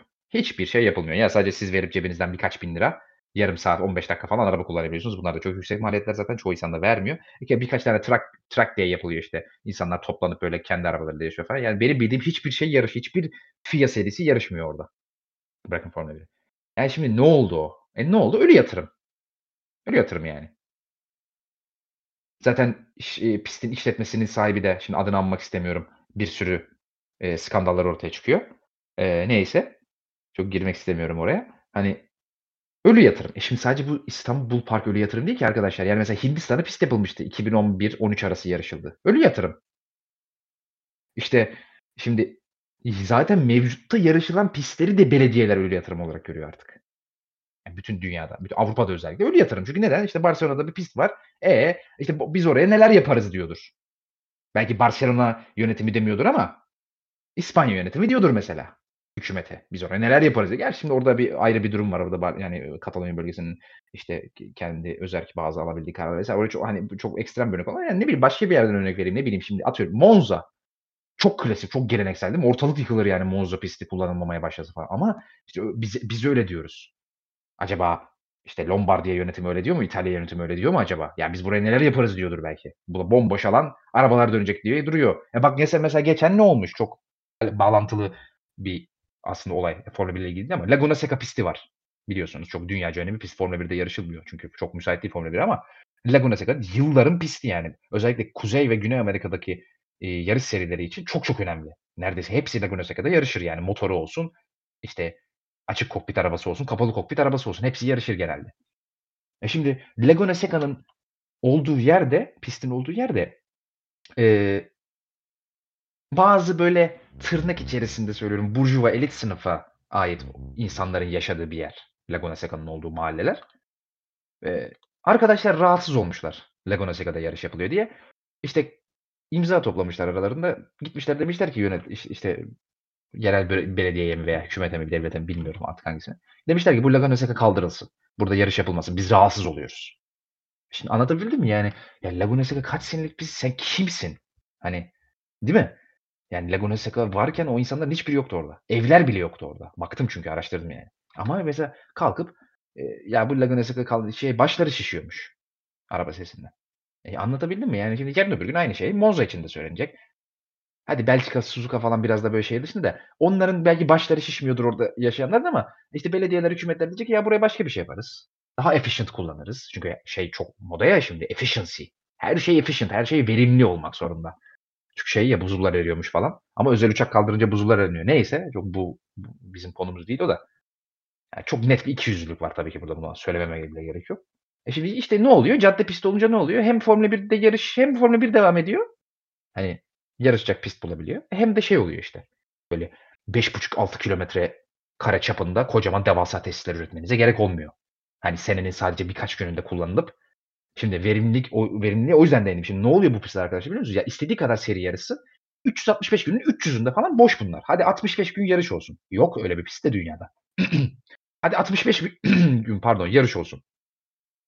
Hadi kalan 300 gününde 100-150'sinde şeye açık olsun track day'lere açık olsun sürüşe. Ki öyle o kadar açık olan sadece Nürburgring falan var dünyada. Başka hiçbir yer yok yani hemen hemen. Spa'larda, Suzuka'larda öyle bir şey yok yani. E ne oluyor şimdi buranın hükümetleri şimdi çok bu devlet hükümetlerde çok yeni bir moda ya verimlilik verimlilik verimlilik. E ne oluyor şimdi 365 günün 300'ü kullanılmayan bir kompleks kocaman bir kompleks. E sevmiyorlar istiyor. Anlamı istemiyorlar anladın mı yani neden istesinler? Daha böyle her gün kullanılacak bir şeyler olsun. Hani biz yayını yapıyor ya Türkiye'de AVM yapılsın falan filan. Aynı şey. Bu sadece Türkiye için geçerli değil ki. Her gün kullanılacak bir kompleks olsa orada mesela diyor. Anladın mı oranın yönetimi de? E işte biz böyle devam edince böyle olunca ben size söyleyeyim yani yakında ne Spa kalır ne Suzuka kalır ne Monza kalır hiçbir kalmaz hepsinin yerine Formula E olur. Ben dün onun tweetini atacaktım da hiç gerek çok cheesy olur diye atmadım. Ben burada söyleyeyim. Formula E ilk geldiğinde Formula E bilmeyenler için elektrikli araç serisi FIA'nın. Eee, FIA dünya gazlamıştı. Şöyle geleneksel şey, şey pardon yenilikçi işte geleceğin serisi falan filan birkaç sene bile tınladı. Şimdi tınlayan bile yok. Eğri oturup doğru konuşmak lazım. İşte Audi'ler, Maudi'ler, Porsche'ler hepsi girdi oraya falan. Hala varlar bazıları da. Yani kaç kişi izliyor? Önüme tweet bile düşmüyor artık yani. Ya biz dalga geçiyorduk. Haklıydık da. Elektrikli süpürge sesi çıkartıyorlar. Caddeleri kapatıp pist diye sürdürüyorlardı. Bütün tamamı cadde pistiydi çünkü Formula 1'in. Hala da öyle diyebiliyorum. Takip etmiyorum yani. E ne oldu abi? Aynı şey oldun işte. Senin de yarısı cadde pisti, senin de yarın elektrikli. E, e, 10-15 sene sonra sen de tamamen elektrikli olursun. Senin de hepsinin cadde pisti olur. Olur Formula E. Ya abi nereye kadar yani? Tamam para işte aynı olay yani benzin bağlantılı olay Gene Haas olayıyla bahsettiğim. Yani e şimdi Gene Haas'a bir para daha şimdi. Barcelona ne veriyordu? Ben size Barcelona'nın verdiğini söyleyeyim. Barcelona veriyordu belki senelik 10-15 milyon dolar. Hadi 20. E şimdi Real Madrid 50, şey Real Madrid. Real Madrid değil. Madrid 50. Madrid 50 verdi. E ne oldu? Hop o senelik bir 30-35 daha. Ya da 25 neyse işte. Önemli değil yani. Hop. Anladın mı? E şimdi Spa veriyordur 15-20. E yarın öbür gün Spa'nın yerine gelecek Kuveyt pisti. Sallayacağım şimdi. Ya da ne bileyim yani başka bir kıtadan örnek vereyim şimdi. E, ya da Amerika'daki başka mesela Dallas. Salladım şimdi. Dallas verir 60 abi. Yani anladın mı? Dallas verir 60. Ne olur? Spa yallah abi. Spy derler ki 15 sen 15 ne abi? Ver bir 50 de biz 60'lık Dallas'ı reddedelim der senin hatırına falan. Verir mi? Vermez. Vermez o 50 milyon Spa. Yani e böyle olacak. Görürsünüz yani. Böyle olacak. E boşuna mı konuşuluyor zannediyorsunuz senelik 30 yarışı çıkartalım falan diyor Dominik Hali. FOM'un CEO'su. Niye 30 yarış diyor? E para. 24 taneden alıyorsan Sallayacağım şimdi ortalama 30. E bir 6 taneden de 30. 180 iyi para abi. Güzel para. Anladın mı? Yeni pazarlar falan. Yani anladın mı? Ya şimdi o yüzden hani böyle böyle işte yani bilmiyorum nereye gidecek. Yani daha çok görürüz böyle Avrupa'da görürüz, Kuzey Amerika'da görürüz, Güney Amerika'da görürüz, Afrika'da belki Kıyalami Şimdi Pierre Güney Afrika yarışılsın diyor. Özellikle Hamilton çok bastırıyor ya bu, burada. E ben ben de garibim bir iki senedir bu dedikoduları hep diyorum. Aynen Kieleme güzel pistte yani. Kieleme'de yarışmazlar ki gider giderler gene Güney Afrika'da kapatırlar şehri. Şehrin ortasında döndürürler Güney Afrika yarışı diye. Ben de ben de saf saf diyorum ki Kieleme geri gelsin falan filan. E böyle olur yani anladın mı? Ne düşünüyorsun bu konuda?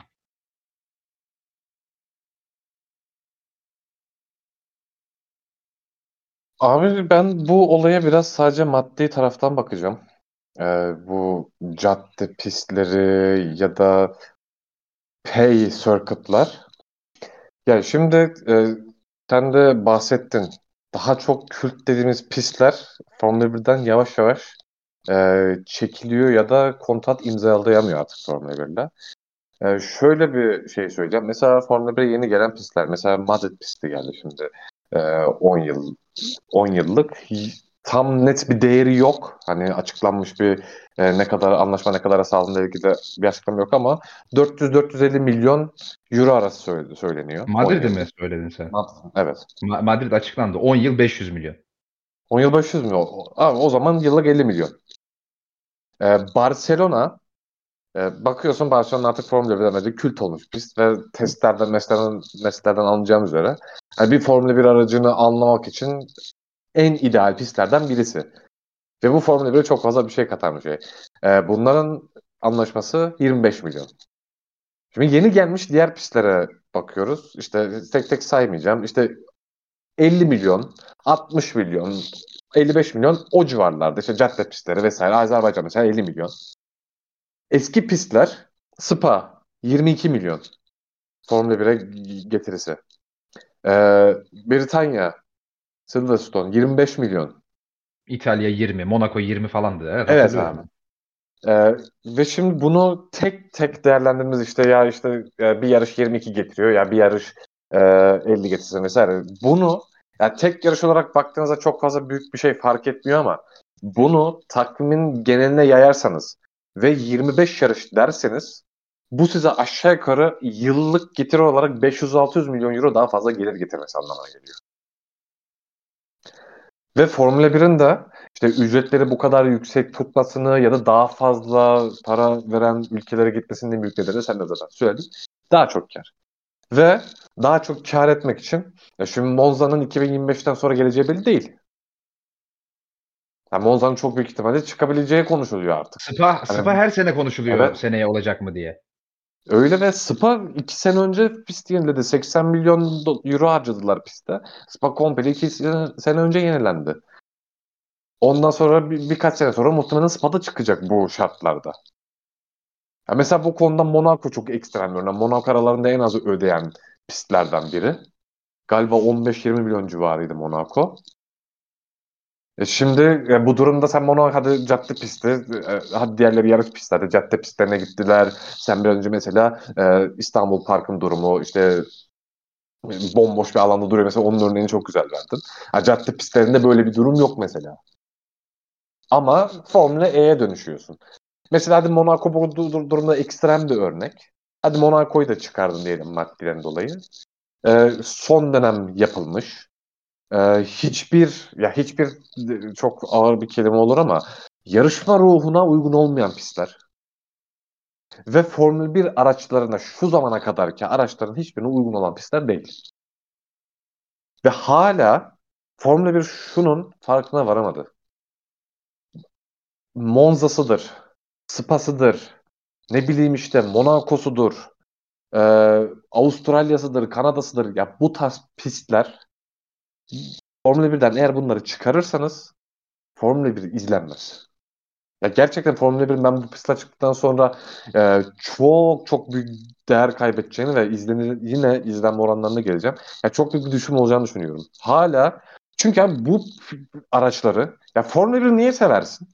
Formula 1 araçları yarışları niye seversin? Motorspor niye seversin? Bir, e, gör, görsellik. iki motor sesi. Üç, adrenalin.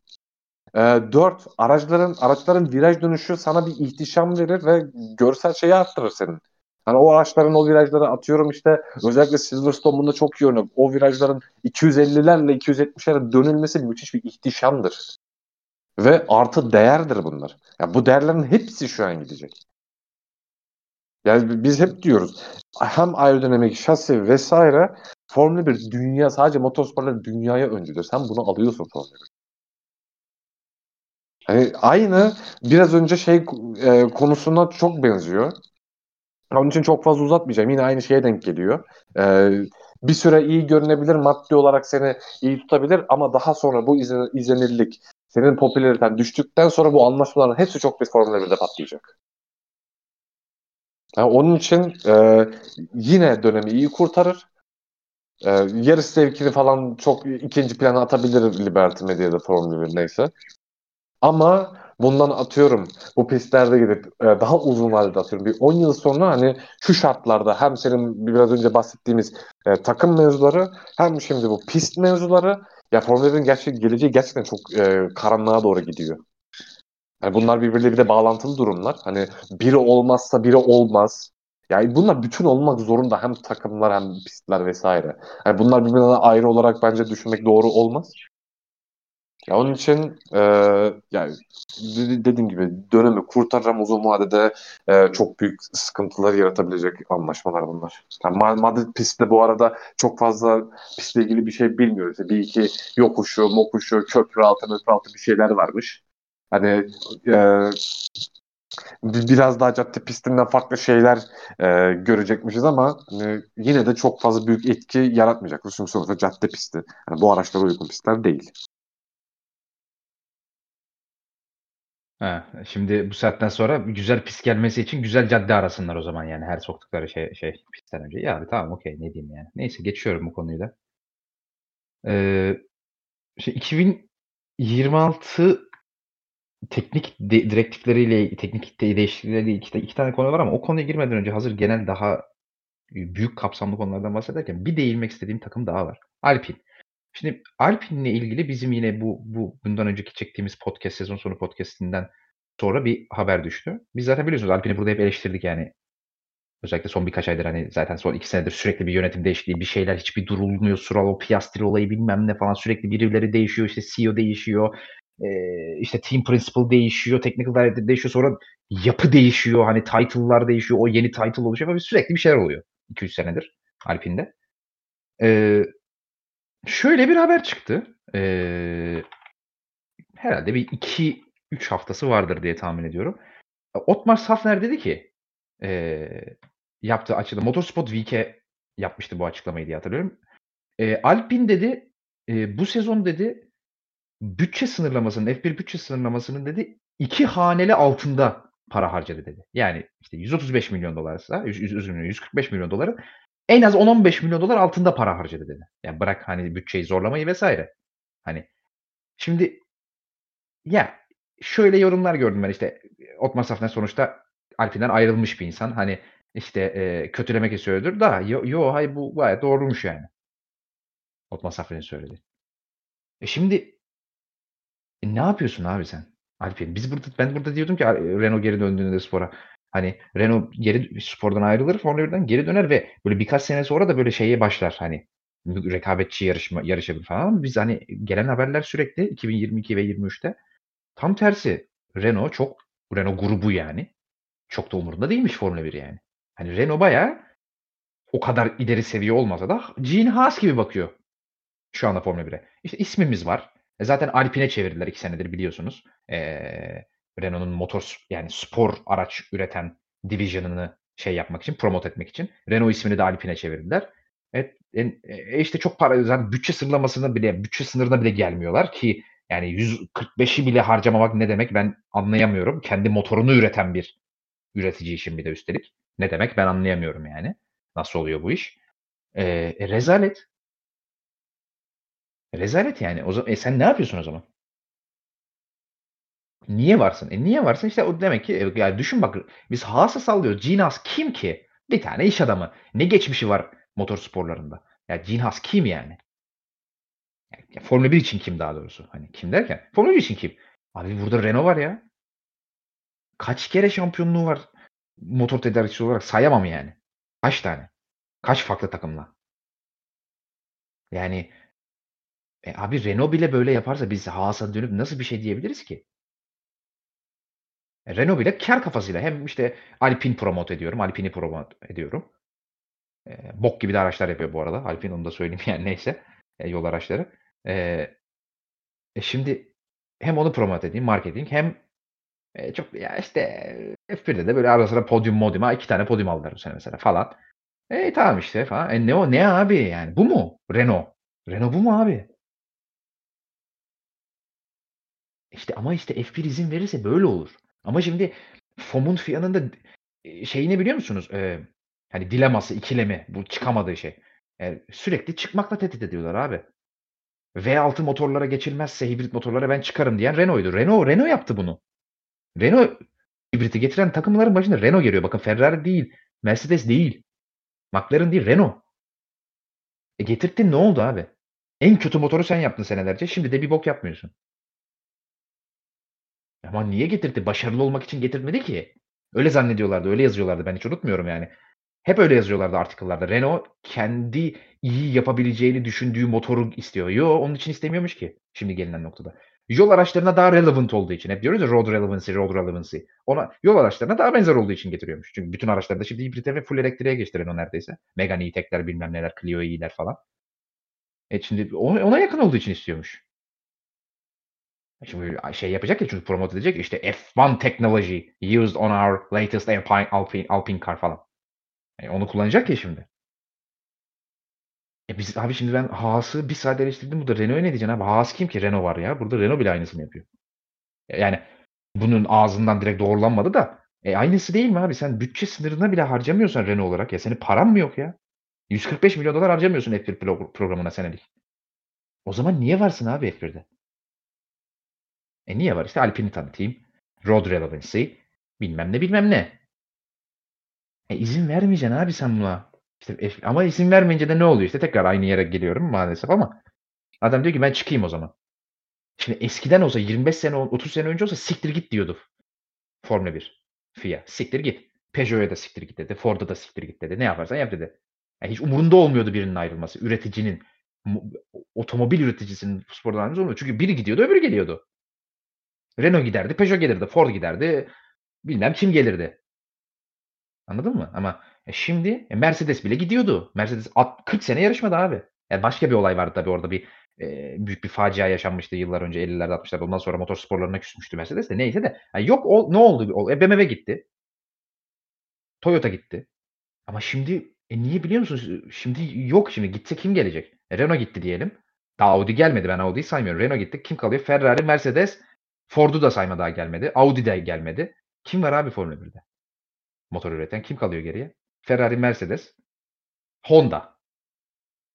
Honda da zaten iki gidiyor bir geliyor biliyorsunuz. Bir geliyor bir gidiyor. Şimdi artık şey yok. Formula 1'in. Ne bok yersen ye diyecek alanı yok. Öyle bir şansı yok. E bu takımlarda bunu böyle bu üreticiler de otomobil üreticisi kullanıyor bunu işte. Maalesef yani Formula 1'in geldiği yer hakikaten bu açıdan içler acısı. Ya Renault para harcamıyor ne demek abi ya?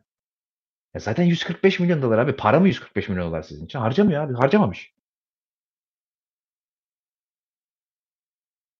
E ta, abi Renault bile rekabetçi olmayı planlamıyorsa biz kimden rekabetçilik bekleyeceğiz? Ben anlamadım ki. Kore'nin dedik ki 3 takım yarışır durur o zaman yani.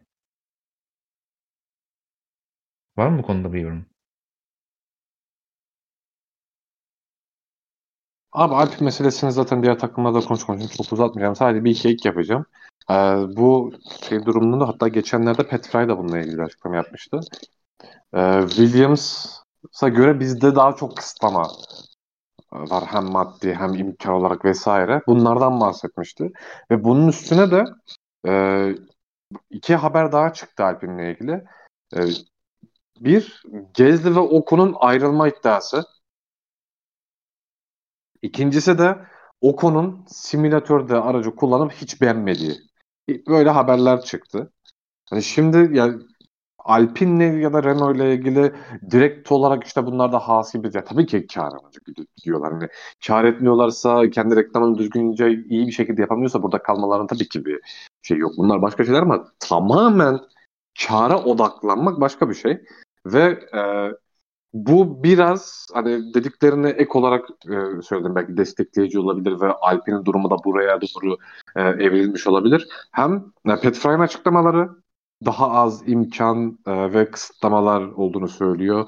İşte pilotları takımdan ayrılması. Bu arada e, takım çalışanları daha arka planda oldukları için atıyorum işte bir sorundan işte bir genel bir resim çizdikleri zaman işte kısıtlamalardan vesaire bastığı zaman bu o kadar çok göze batmayabiliyor ama mesela o konuda Gezdi'nin ayrılmak istemesi yani bu konuda iddiaların çıkması bence çok daha e, göze batan ve değerli haberler. Ya şöyle çünkü yani göz önünde daha çok oldukları için e, onların dedikleri daha fazla haber değeri taşıyor doğal olarak ve e, bir yanda e, bir projeyle başlanmış e, Fransız ekolü diyeyim hani bir kurulmuş bir takımda ya daha bir sene doğru dolmuş dolmamış iki de pilotun birden takımdan ayrılmak istiyor.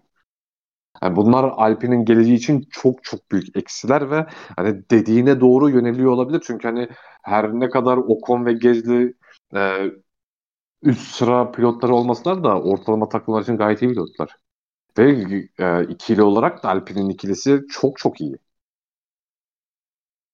E, kendi evlerinin takımı e, şeyi var hani takımda kalmak isterler ve e, hem koltuk bulmak için hem de bir şeyler gördükleri için bu takıma geldiler ama bir yıl takımda kaldıktan sonra bakıyorlar ki öyle değil.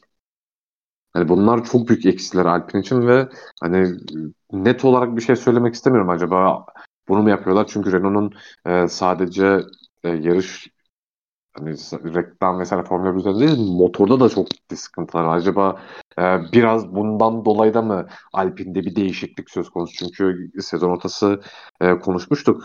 30 beygirlere yakın şeyler. Ya ben onun çok fazla o zaman da söyleyeyim inandırıcı gelmiyor bana ama ya büyük bir dezavantaj olduğu söz konusu e, Renault'un ve bu da acaba Alpine'i farklı yönlere iletmiş götürmüş olabilir mi en azından bu sezon için. Ya bunu bence daha ileride göreceğiz ama e, şu anki görüntüler hiç iyi değil hani Alpine özelinde. Evet maalesef kesinlikle katılıyorum buna. Ee, evet dediğim gibi yani iki Fransız pilotun Fransız takımından ayrılmak isteyecek hale gelmesi eğer haberler doğruysa tabii ki. Yani çok güzel özetledi zaten olayı. Şimdi az önce bahsettiğim 2026 e, sezonunda ger- ger- gerçekleştirilmesi beklenen kural değişikliğiyle ilgili iki haber var demiştim. Bir de e, daha enteresan olanıyla başlamak istiyorum öncelikle. Ya biliyorsunuz bu yani e, biraz F1'in technical kısmını e, takip etmeyi sevenler, ilgilenenler için ilgilenenlerin bildiği bir tabir bu. Speed Turbo diye bir olay var. E, Formula 1'in şu an mevcutta 2014 senesinden itibaren e, yarışılmaya başlanan, kullanılmaya başlanan e, motor güç ünitelerinde e, bu Speed Turbo Mercedes'in ilk e, getirdiği bir şeydi. E, işte geleneksel turbolardan zi- ziyade işte e, e, shaft'la e, turbonun kompresörü ayrı yerlerde bulunuyordu. Şimdi bu konseptin 2026 e, güç ünitesi kurallarında yasaklandığı açıklandı. Yani direkt split turbo yasağı diye açıklanmadı ama kompresörün ve shaft'ın aralarındaki minimal mesafe olması gereken minimal mesafe arttırıldığı için e, gelinen noktada yasaklanmış oldu Speed Turbo. Şöyle bir enteresan olay var. E, Speed Turbo'yu griddeki mevcut e, güç ünitesi üreticilerinde sadece Ferrari kullanmıyordu. Yani bir yine şey geyiği çıktı hemen işte Ferrari'nin yapmadığı şeyi yine yasaklamışlar, yapamadığını yasaklamışlar falan filan. Bu bir enteresan bir gelişme olabilir tabii ama e, hani yani sonuçta motorları sıfırdan başlanacağı için e, tüm takımlar e, defterlerini hem beyaz beyaz sayfaya açıp oradan çizime başlayacakları için her şey sıfırdan olacak. Yani çok bir etki yaratacağını düşünmüyorum. Ama bir haberdir yine de. E, Koray hatırlıyorsun bu Speed Turbo ilk 2014'te Mercedes'in kullandığı ortaya çıktığında Mercedes'in en büyük avantajlarından bir tanesi olarak görülüyordu diğer rakiplerine nazaran. Ve e, diğer rakipleri bu konsepti kopyalayıp ideal hale getirene kadar da çok ciddi seneler boyunca süren bir avantaj elde etmişti ve her ne kadar işte Renault'su, Honda'sı vesaire bu konsepte geçmiş olsalar da daha sonra Mercedes kadar efektif bir güç ünitesi üretebilmeleri hem güç anlamında hem yakıt verimliliği anlamında hem de drivability anlamında yıllar sürmüştü yani. Ee, şimdi bunun yasaklanıyor olması sence Mercedes'in alameti farikasını güç ünitesi, hibrit güç ünitesi anlamında elinden alır mı? Ee, yoksa çok bir etki yapmayacağını mı düşünüyorsun? Sen Nasıl bir tahminde bulunursun bu konuda? Ya ben çok fazla bir etki yaratmayacağı görüşündeyim. Ee, Mercedes için ama biraz farklı olabilir çünkü şöyle. Ee, şimdi Mercedes direkt bu split turbo konseptini direkt olarak 2014'te kullanmaya başlamıştı turbo hibritler başlar başlamaz. O zaman zaten sen de söyledin. Hani bunun çok büyük bir fark yarattığı söyleniyordu. Ondan sonra Honda geçti. Daha sonra Renault geçti. Hatta Honda'nın da e, daha sonra 2017 ya da 18'de geçmişti yanlış hatırlamıyorsam. Daha sonra Honda'nın yükselişi başlamıştı ve ya bu split turboya da bağlanmıştı biraz doğal olarak ve e, şu anda e, en avantajlı e, turbo kullanan stilimiz split oldu da en azından bir böyle bir görüş oluştu bundan sonra ama ya şimdi e, bu Ferrari Ferrari mesela bunu kullanmıyor ama mesela bu avantajı e, Ferrari'nin e, split turbo kullanmayarak hani daha kendi en azından normal e, turbo dizaynıyla hani çok büyük farklar olmayacağını hani kendi avantajını yaratabileceğini gösterdi. Ve e, Renault da bunda e, çok güzel bir örnek. Renault bunu geçmesine rağmen daha kötüye gitti. Yani şimdi bu tamamen şey değil. E, en azından şu dönem için. Yani ilk dönemlerde mesela Mercedes 2014 15-16'da kullanırken evet büyük avantajı getiriyordu. E, takımlar hem motorları daha iyi anladı, daha iyi geliştirdiler, farklar çok kapandı. E, bunlarla beraber hani o e, turbo avantajı şu dönemde eskisi kadar yok. Onun için e, çok çok büyük e, farklar yaratacağını ben düşünmüyorum ama bir tek Mercedes cephesinde e, biraz bocalama olabilir öyle söyleyeyim. Ya ben Mercedes'in e, split turbo e, yasaklan, yasaklandıktan sonra motor olarak en geriye düşeceğini düşünmüyorum. Çünkü Mercedes'in e, motor üretimi konusunda şu ana kadar bir sorunu olmadı. E, turbo hibrit çağında. Ve e, split turbo evet avantaj e, bir avantaj sağlamıştı onlara ve on, onlar da devamlı bunu kullandıkları için doğal olarak hem işte e, şasisi, işte motor kapağı, motor dizaynı vesaire sonuç olarak e, çok benzerler ama abi, ufak tefek motor arasında farklılıklar var tabii en fiziki dış yapı olarak. E, bu konuda belki biraz e, tasarımda bocalayabilirler. Diğer takımların işi daha uzun olabilir ama hani ben çok çok büyük dezavantaj yaşayacaklarını düşünmüyorum. Ha, aynı zamanda Ferrari'nin de çok büyük avantaj sağlayacağını düşünmüyorum. Ama ya kağıt üstünde bakarsan şu an bir tur boyu e, hem şampiyonluk mücadelesi verebilecek bir motora 3 aşağı 5 yukarı sahip Ferrari. E, bunu sağlamış olması, diğer takımların bu duruma split turboyla gelmiş olması evet kağıt üzerinde bir Ferrari avantajı diğer takımlar bir dezavantajdan bahsedebiliriz ama ya pist üstüne geldikten sonra özellikle işte MGUH'ın da e, dur, durumu göz önüne alınırsa ben çok çok büyük etki olacağını düşünmüyorum. Aslında etki bence bataryalardan doğdu. E, oluşacak yani. Eğer bir fark yaratılacaksa ya daha büyük fark bence oradan gelecek. Çok büyük bir etki yaratmayacak yani bence. Hem Fer Ferrari avantajı hem de Mercedes dezavantajı konusunda. Evet, elektrik gücünün daha etkili olacağına ben de katılıyorum. Ee, bir 2026 teknik haberi daha var. Teknik yani 2026 kural değişikliklerini ilgilendiren teknikle teknik yani technical bir haber daha. Bu daha enteresan çünkü şöyle e, daha fazla etki yaratmasını bekliyorum ben. Eğer gerçekleşirse gerçekleşecek deniyor ama biliyorsunuz yani kurallar değişebiliyor. Yani planlar değişebiliyor her zaman Formula 1'de.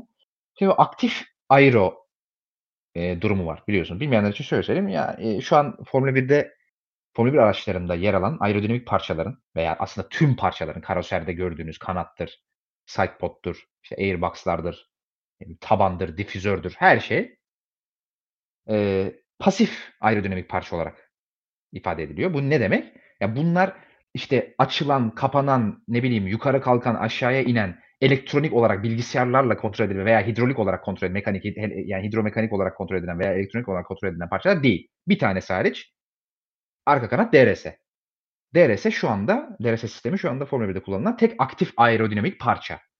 Ve DRS dışındaki tüm parçaların e, biz burada ara sıra bazen bahsediyoruz podcastlerde farklı konularda direkt yasaklanması gibi bir durum var Formula 1'de uzun zamandır. Bunun da tabiri hani daha önce de söylemiştik Movable Aerodynamic Devices yasağı.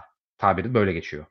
E, technical kuralların, teknik regülasyonlarında Formula 1'in. Yani hareket edebilen aerodinamik parçalar, cihazlar daha doğrusu yasak Formula 1 araçlarında kullanmak. DRS hariç. Şimdi 2026'da e, aktif aero parçaların aracın bazı kısımları için kullanılabileceği konuşuluyor. Hatta Nikola Tombasis, e, FOM yetkilisi, FIA, daha doğrusu FIA'nın single seater e, yöneticisi. E, 2026'da aktif aeronun çok büyük bir ihtimalle kullanılacağını Formula 1 araçlarında ve bunun e, DRS benzeri aslında konsept olarak benzer bir sistemin ancak düzlüklerde değil virajlarda e, pilotlara avantaj sağlayacak bir sistemin kullanılabilmesi durumu söz konusu. Hatta Tom Basis çok emin konuşuyor kendinden. Yani çok büyük ihtimal kullanacağız bunu diyor ama Tom Basis en son emin konuştuğunda Active Aero ile ilgili kendisinin şöyle bir fikri vardı. Demişti ki işte DRS'nin tersi bir sistem yapalım. Ee, öndeki araç yavaşlasın. Hani arkadakini hızlandırmayalım sadece öndeki yavaşlasın. Saçma sapan bir fikirdi ve takımlar reddetti tabii ki bunu. Ee, şimdi yine bu konuşuluyor ama bu sefer dediğim gibi daha o kadar hani anti DRS gibi çok şey bir çok hani gözle görünür çok kör göze parmak sistem değil. Virajlarda örnek vermek gerekirse işte eskiden mesela 90'ların başında kullanılan takımların kullandığı Williams'ın öncülük ettiği mesela aktif süspansiyon sistemi. İşte e, düzlüklerde yukarı kalkan, virajlarda aşağıya inen e, pistin yükseltisine göre bir aktif bilgisayarla kontrol edilebilen bir aktif süspansiyon sistemi. Mesela bu bir aktif aerodinamik parçaydı zaten adından anlayabileceğiniz üzere. E, tamamen spekülasyon bu arada söyledim. Aktif ayrı, ya aktif süspansiyon getirecekler diye demiyorum ama hani örnek olarak mesela virajlarda avantaj sağlayacak pilota böyle bir sistem mesela olabilir. Belki kafalarında böyle bir şey vardır ki aktif süspansiyon zaten konuşulan bir şey aslında birkaç senedir de. Ee, Red Bull tarafından iki tane yorum geldi. İkisi de birbirinden zıt yorumlar. Biri Max Verstappen'den geldi, biri Adrian Newey'den geldi. Red Bull'un en önemli belki de iki ismi. Verstappen bunu istemediğini söyledi. Yani aktif aeronun Formula 1 araçlarında olmasını istemediğini, özellikle de virajlarda çalışacak bir aktif aeronun olmasını istemediğini söyledi. Çünkü ben bir pilot olarak dedi kontrol edebildiğim yani benim e, direktifimle aracın aerodinamik yapısının değişmesini istiyorum. Benim kontrolümde olmayan bilgisayarlarla, elektronik sistemlerle veya işte hidrolik sistemlerle kontrol edebilecek e, aerodinamik parçaların veya yapıların aracında araçta olmasını istemiyorum. Çünkü ben kontrol edemediğim şeylerden hoşlanmıyorum pilot olarak dedi. Çok yani haklı ve mantıklı bir açıklama bence de. Ama Adrian Newey ise başka bir pencereden baktı olaya. Bence aktif aeronun getirilmesi olumlu olur dedi. Çünkü road relevant olacak dedi. Yani ileride yol araçlarında da yakın gelecekte bu aktif aero zaten var da daha da fazla kullanılacak dedi. Ve bence hani Formula 1'in işte commercial açıdan e, yol araçlarına daha da fazla benzemesi için olumlu bir gelişme olarak değerlendirdi. Enteresan. Ben Nivi'nin eğer bir, biraz Nivi'yi tanıyorsak e, road relevancy falan umursayan bir adam değildir. E, ben şahsi fikrim Nivi. E, bence bu tamamen kendisinin kafasında ben bu işi bir güzel hallederim. Ben güzel yaparım bu aktive aeroyu diye düşündüğü için böyle düşün, söylediğini tahmin ediyorum. Şahsi fikrim tamamen. E, çünkü aktif aero Formula 1'de çok net şekilde kullanıldığında en son 1990'ların başında 92 ve 93'te Nivi Nivi'nin Williams'ları gridin içinden geçmişti tabiri caizse. Ortalama 1,5-2 saniye daha hızlı araçlardı gridin geri kalanından. Resmen içinden geçmişti yani. İşte o aktif süspansiyonların olduğu vesaire işte mass, mass temperların olduğu araçlar falan. Resmen içinden geçmişti Nivi. Ee, yine kendine bence avantaj sağlayacak ve Red avantaj sağlayacağı için böyle bir şey düşünüyor. Ee, senin yorumlarını merak ediyorum. Yani aktif aerodinamik parçalar, elektronik veya işte bilgisayarlarla veya işte hidrolik sistemlerle kontrol edebilen e, aerodinamik parçaların olması ne diyorsun sence olumlu bir şey olur mu? Ben çok emin olamadım. Yarışlar yani yarış açısından hani yarış kalitesini arttırır mı arttırmaz mı? Ben çok emin olamadım açık söylemek gerekirse. Abi ben de aynı şekilde hani çok net bir şekilde şu olur bu olur diye yorum yapabileceğim bir şey değil. Ee, sonuçta hani e, nasıl şu an takımlar şasi, motor yarı bir aracı bütün olarak yapıyorsa hem e, hareketli parça olarak hem de hareketsiz haldeyken araca katılacağı aerodinamik değerler falan hani bunlar direkt takımların her takımda takma değişebilecek bir durum. Onun için hani bununla ilgili çok bir şey söylemek doğru olmaz. Ama e, şeye katılıyorum. Özellikle Nüvi'nin e, bunu istiyor olmasına katılıyorum. Çünkü senin dediğin gibi hem Williams döneminde bunun üzerine çalışmış bir e, birisi hem de şu dönemde bunun üzerine çalışmış tecrübeli bir isim şu an bildiğim kadarıyla gridde yok. Yani şu an Nüvi muhtemelen tek bu konuda. Yani varsa bile Nüvi çok şey olacak e, mücadele edebilecek ya da o seviye değildir. Hani bir olsa iki olsa diğer takımlar ne yapacak? Hani çok çok büyük, büyük bir avantajı ya da bir şeyleri keşfetti söyleyebiliriz Nüvi ile ilgili ama ya şu, 2026'da şimdi araçların küçülmesini e, işte lastiklerin küçülmesini vesaire bunları düşünürsek ya bence biraz erken davranılıyor gibi olabilir. Yani şimdi, şimdi şöyle eğer teknolojik olarak bakarsan Nüvi'nin dediği gibi aslında Ee, işte gelecekte de şu an evet kullanılıyor, gelecek daha fazla kullanılacak, işte diğer yol araçlarına ya da başka yerlere öncü olacak vesaire diye bakarsan teknolojik öncülük konusunda bence getirilmeli. Fakat sportif olarak bakarsan e, şimdi zaten elimizde bir DRS var. E, hala işte olsun mu olmasın mı ki bence olmalı bu arada. Çünkü F1'in her türlü ihtiyacı var yani DRS'ye. E, bu tartışmalar var. E, üstüne e, şimdi bunun nasıl getirileceği de önemli. Şimdi sen biraz önce söyledin mesela Tom Basses'in daha önceden bir söylediği var işte öndeki aracı bu saçma sapan bir şey. Hani daha sonra arkadaki araca yine böyle de, absürt avantajlar sağlayacak e, saçma sapan bir şey getirse tabii ki Formula 1 için iyi olmayacak. Ama bunun dengesini iyi tutturmalar lazım. Çünkü eğer bu gelirse çok çok büyük ihtimal DRS ile birlikte gelecek. Ee, en, en çok konuşulan şeylerden biri işte yine senin dediğin gibi e, aktif süspansiyon ve hareketli ön ve arka kanatlardan vesaire bahsediyor. Şu an en çok bundan üzerine duruldu. Ha, belki başka bir şey de gelebilir tabii ama e, ya dediğim gibi çok bir şey söylemek e, mümkün değil ama e, zaten biz zaten şeyi çok söyledik. Şu anda Formula 1'in büyük sorunlarından biri araçların büyüklüğü. E, onun için e, sportif olarak e, araçlar da halihazırda biraz küçülecekken e, bence yani daha ya hem takımlar üzerine ya takımlar üzerinden daha çok hani Formula 1 araç tasarımı üzerine daha fazla yük oluşturmak anlamına geliyor bu. Ya onun için bence bir olumsuzluğu olabilir. Çünkü zaten olumlu değişimler e, yaşanacak. İşte dediğim gibi özellikle araçlarda küçülme gibi.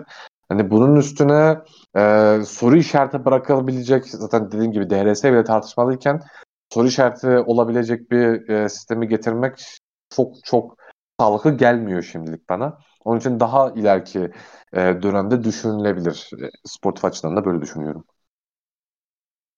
Yani e, enteresan olan şu e, Pat Simmons mesela az önce ekle, e, ekleme yapmayı unuttum bu konuda. Şimdi sen e, anlatınca aklıma geldi. F1'in şu anki CTO'su Pat Simmons. F1 grubunun. Onun mesela bu konudaki görüşleri 2023'ün başında bir açıklama yapmıştı. Şu şekildeydi. E, DRS'yi tabii ki kaybedemez. Çünkü DRS'siz yarışlar çok sıkıcı geçiyor. E, hani bu, buna şu an hazır değiliz vesaire demişti. E, senin dediğinle paralel olarak. Bizim yapmamız gereken şey downforce artışına odaklanmak. Aktif aerodinamik parçalarla. Yani işte ar- ondan kastı da şu. Arkadaki araç biliyorsunuz yakından takip ettiği zaman e, öndeki aracı e, özellikle yüksek hızlı virajlarda öndekinin kirli havasından dolayı çok ciddi bir downforce kaybediyor oluşan sürtünmeden, hava sürtünmesinden dolayı. Biz aktif aerodinamik parçalarla bunu minimal seviyeye indirmeyi amaçlamalıyız diyor Pat Simmons.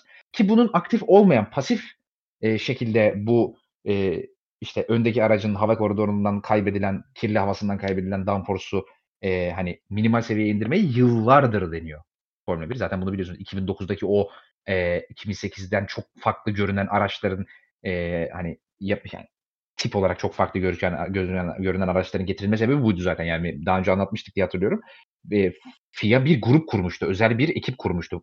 E, Overtaking Working Group. Hani e, hani geçiş çalışma grubu diye çevirebileceğimiz bir grup kurmuştu. E, Formula 1'deki önemli isimlerden oluşan hem teknik hem de yönetimsel önemli isimlerden oluşan bir grup kurmuştuk. Sırf bu konunun üzerine çalışmak için ve bu konu bu ekibin yaptığı çalışmalar sonucunda 2009'da getirilen e, aerodinamik teknik kural değişiklikleri getirilmişti. Açıkça söylemek gerekirse çok şey yaramadı araçların birbirlerini takip etmesi konusunda. Yani neye çalıştılar o insanlar anlamıyorum. Yani her şeyde işte ön kanat, arka kanat, lastikler, araçların büyüklüğü, uzunluğu, darlığı her şey değişti. Hiçbir neredeyse göze görülür etki yapmadı araçların birbirlerini daha kolay takip etmesi konusunda. Önce şeyi, şeyi suçlamışlardı işte e, çift katmanlı difüzörü Brown'un özellikle şampiyon olmasında çok ciddi bir etken olan her ne kadar tek şey olmasa da ciddi bir etken olan çift katmanlı difüzörü bahane göstermişlerdi. E, onu yasakladılar. Gene değişen bir şey olmadı açık söylemek gerekirse. DRS olmadan gene çok fazla takip edemedi araçlar birbirlerini.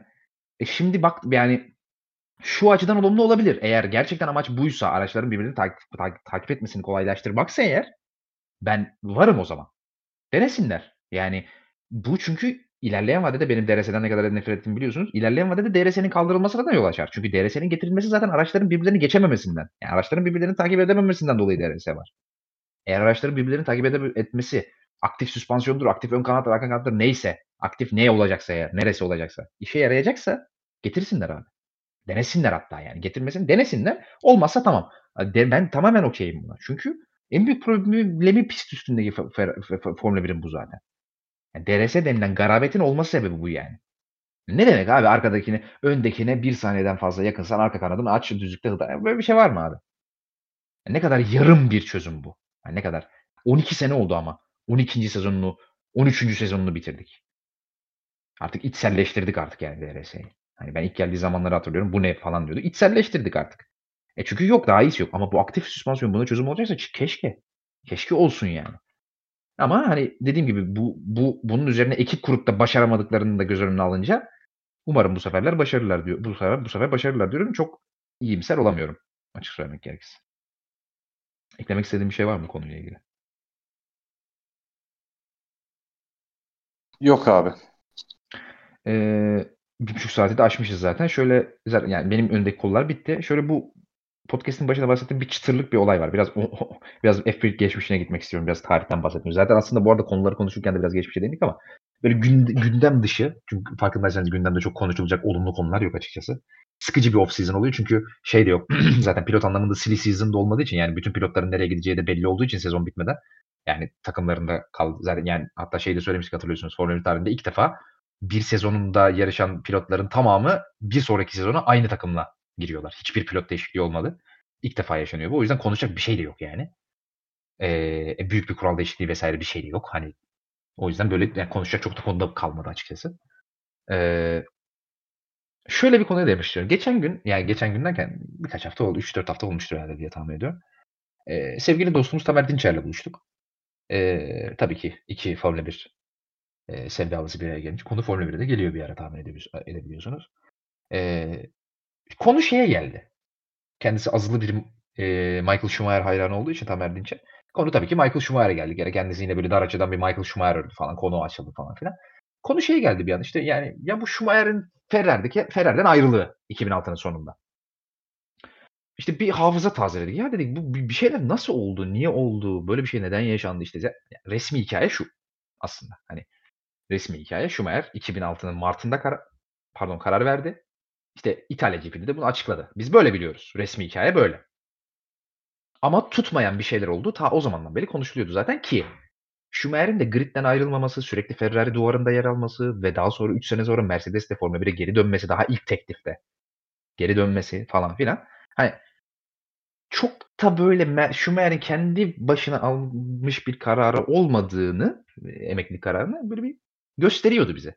Şimdi biz yani şimdi tabii üzerinden 16-17 sene geçtiği için ve yaşımız da o zamanlar ufak olduğu için hani unuttuğumuz şeyler vardı ama bir şeyi hatırladık mesela Tamer'le. Dedik ya bir Valentino Rossi meselesi vardı. İşte Valentino Rossi Ford, Ferrari ile o zamanlar çok fazla teste çıkıyordu. O zamanlar test yasağı yoktu biliyorsunuz. Sürekli herkes istediği zaman ver F1 aracını kullansın. Özellikle 2 sene eski F1 aracını istediğin zaman kullandırabiliyordun o zaman. Ee, F2004 ile şeyin, e, Valentino Rossi'nin Schumacher'den sadece 0.6-0.7 saniye, 1 saniye civarı falan yavaş kaldığı e, söyleniyordu testlerde. E, ve bu çok iyi. Çok çok iyi yani. Hiç daha önce hayatında F1'de yarışmamış. Hiç açık kokpit bir araba sürmemiş. Bırakın F1'de yarışmayı. Yani ko- açık kokpit bir araba kullanmamış bir insanın e, bu kadar iyi süreler elde edebilmesi çok iyiydi gerçekten ve e, hani e, bunu konuştuk biz ya çünkü şeyi açtık ya dedik kim geçerdi hani Raikkonen olmasa Raikkonen McLaren'da kalsa kim geçerdi falan yani bu böyle bir konu konuştuk. Daha sonra ben işte eve geldim birkaç gün sonra önüme bir article çıktı Reddit'te.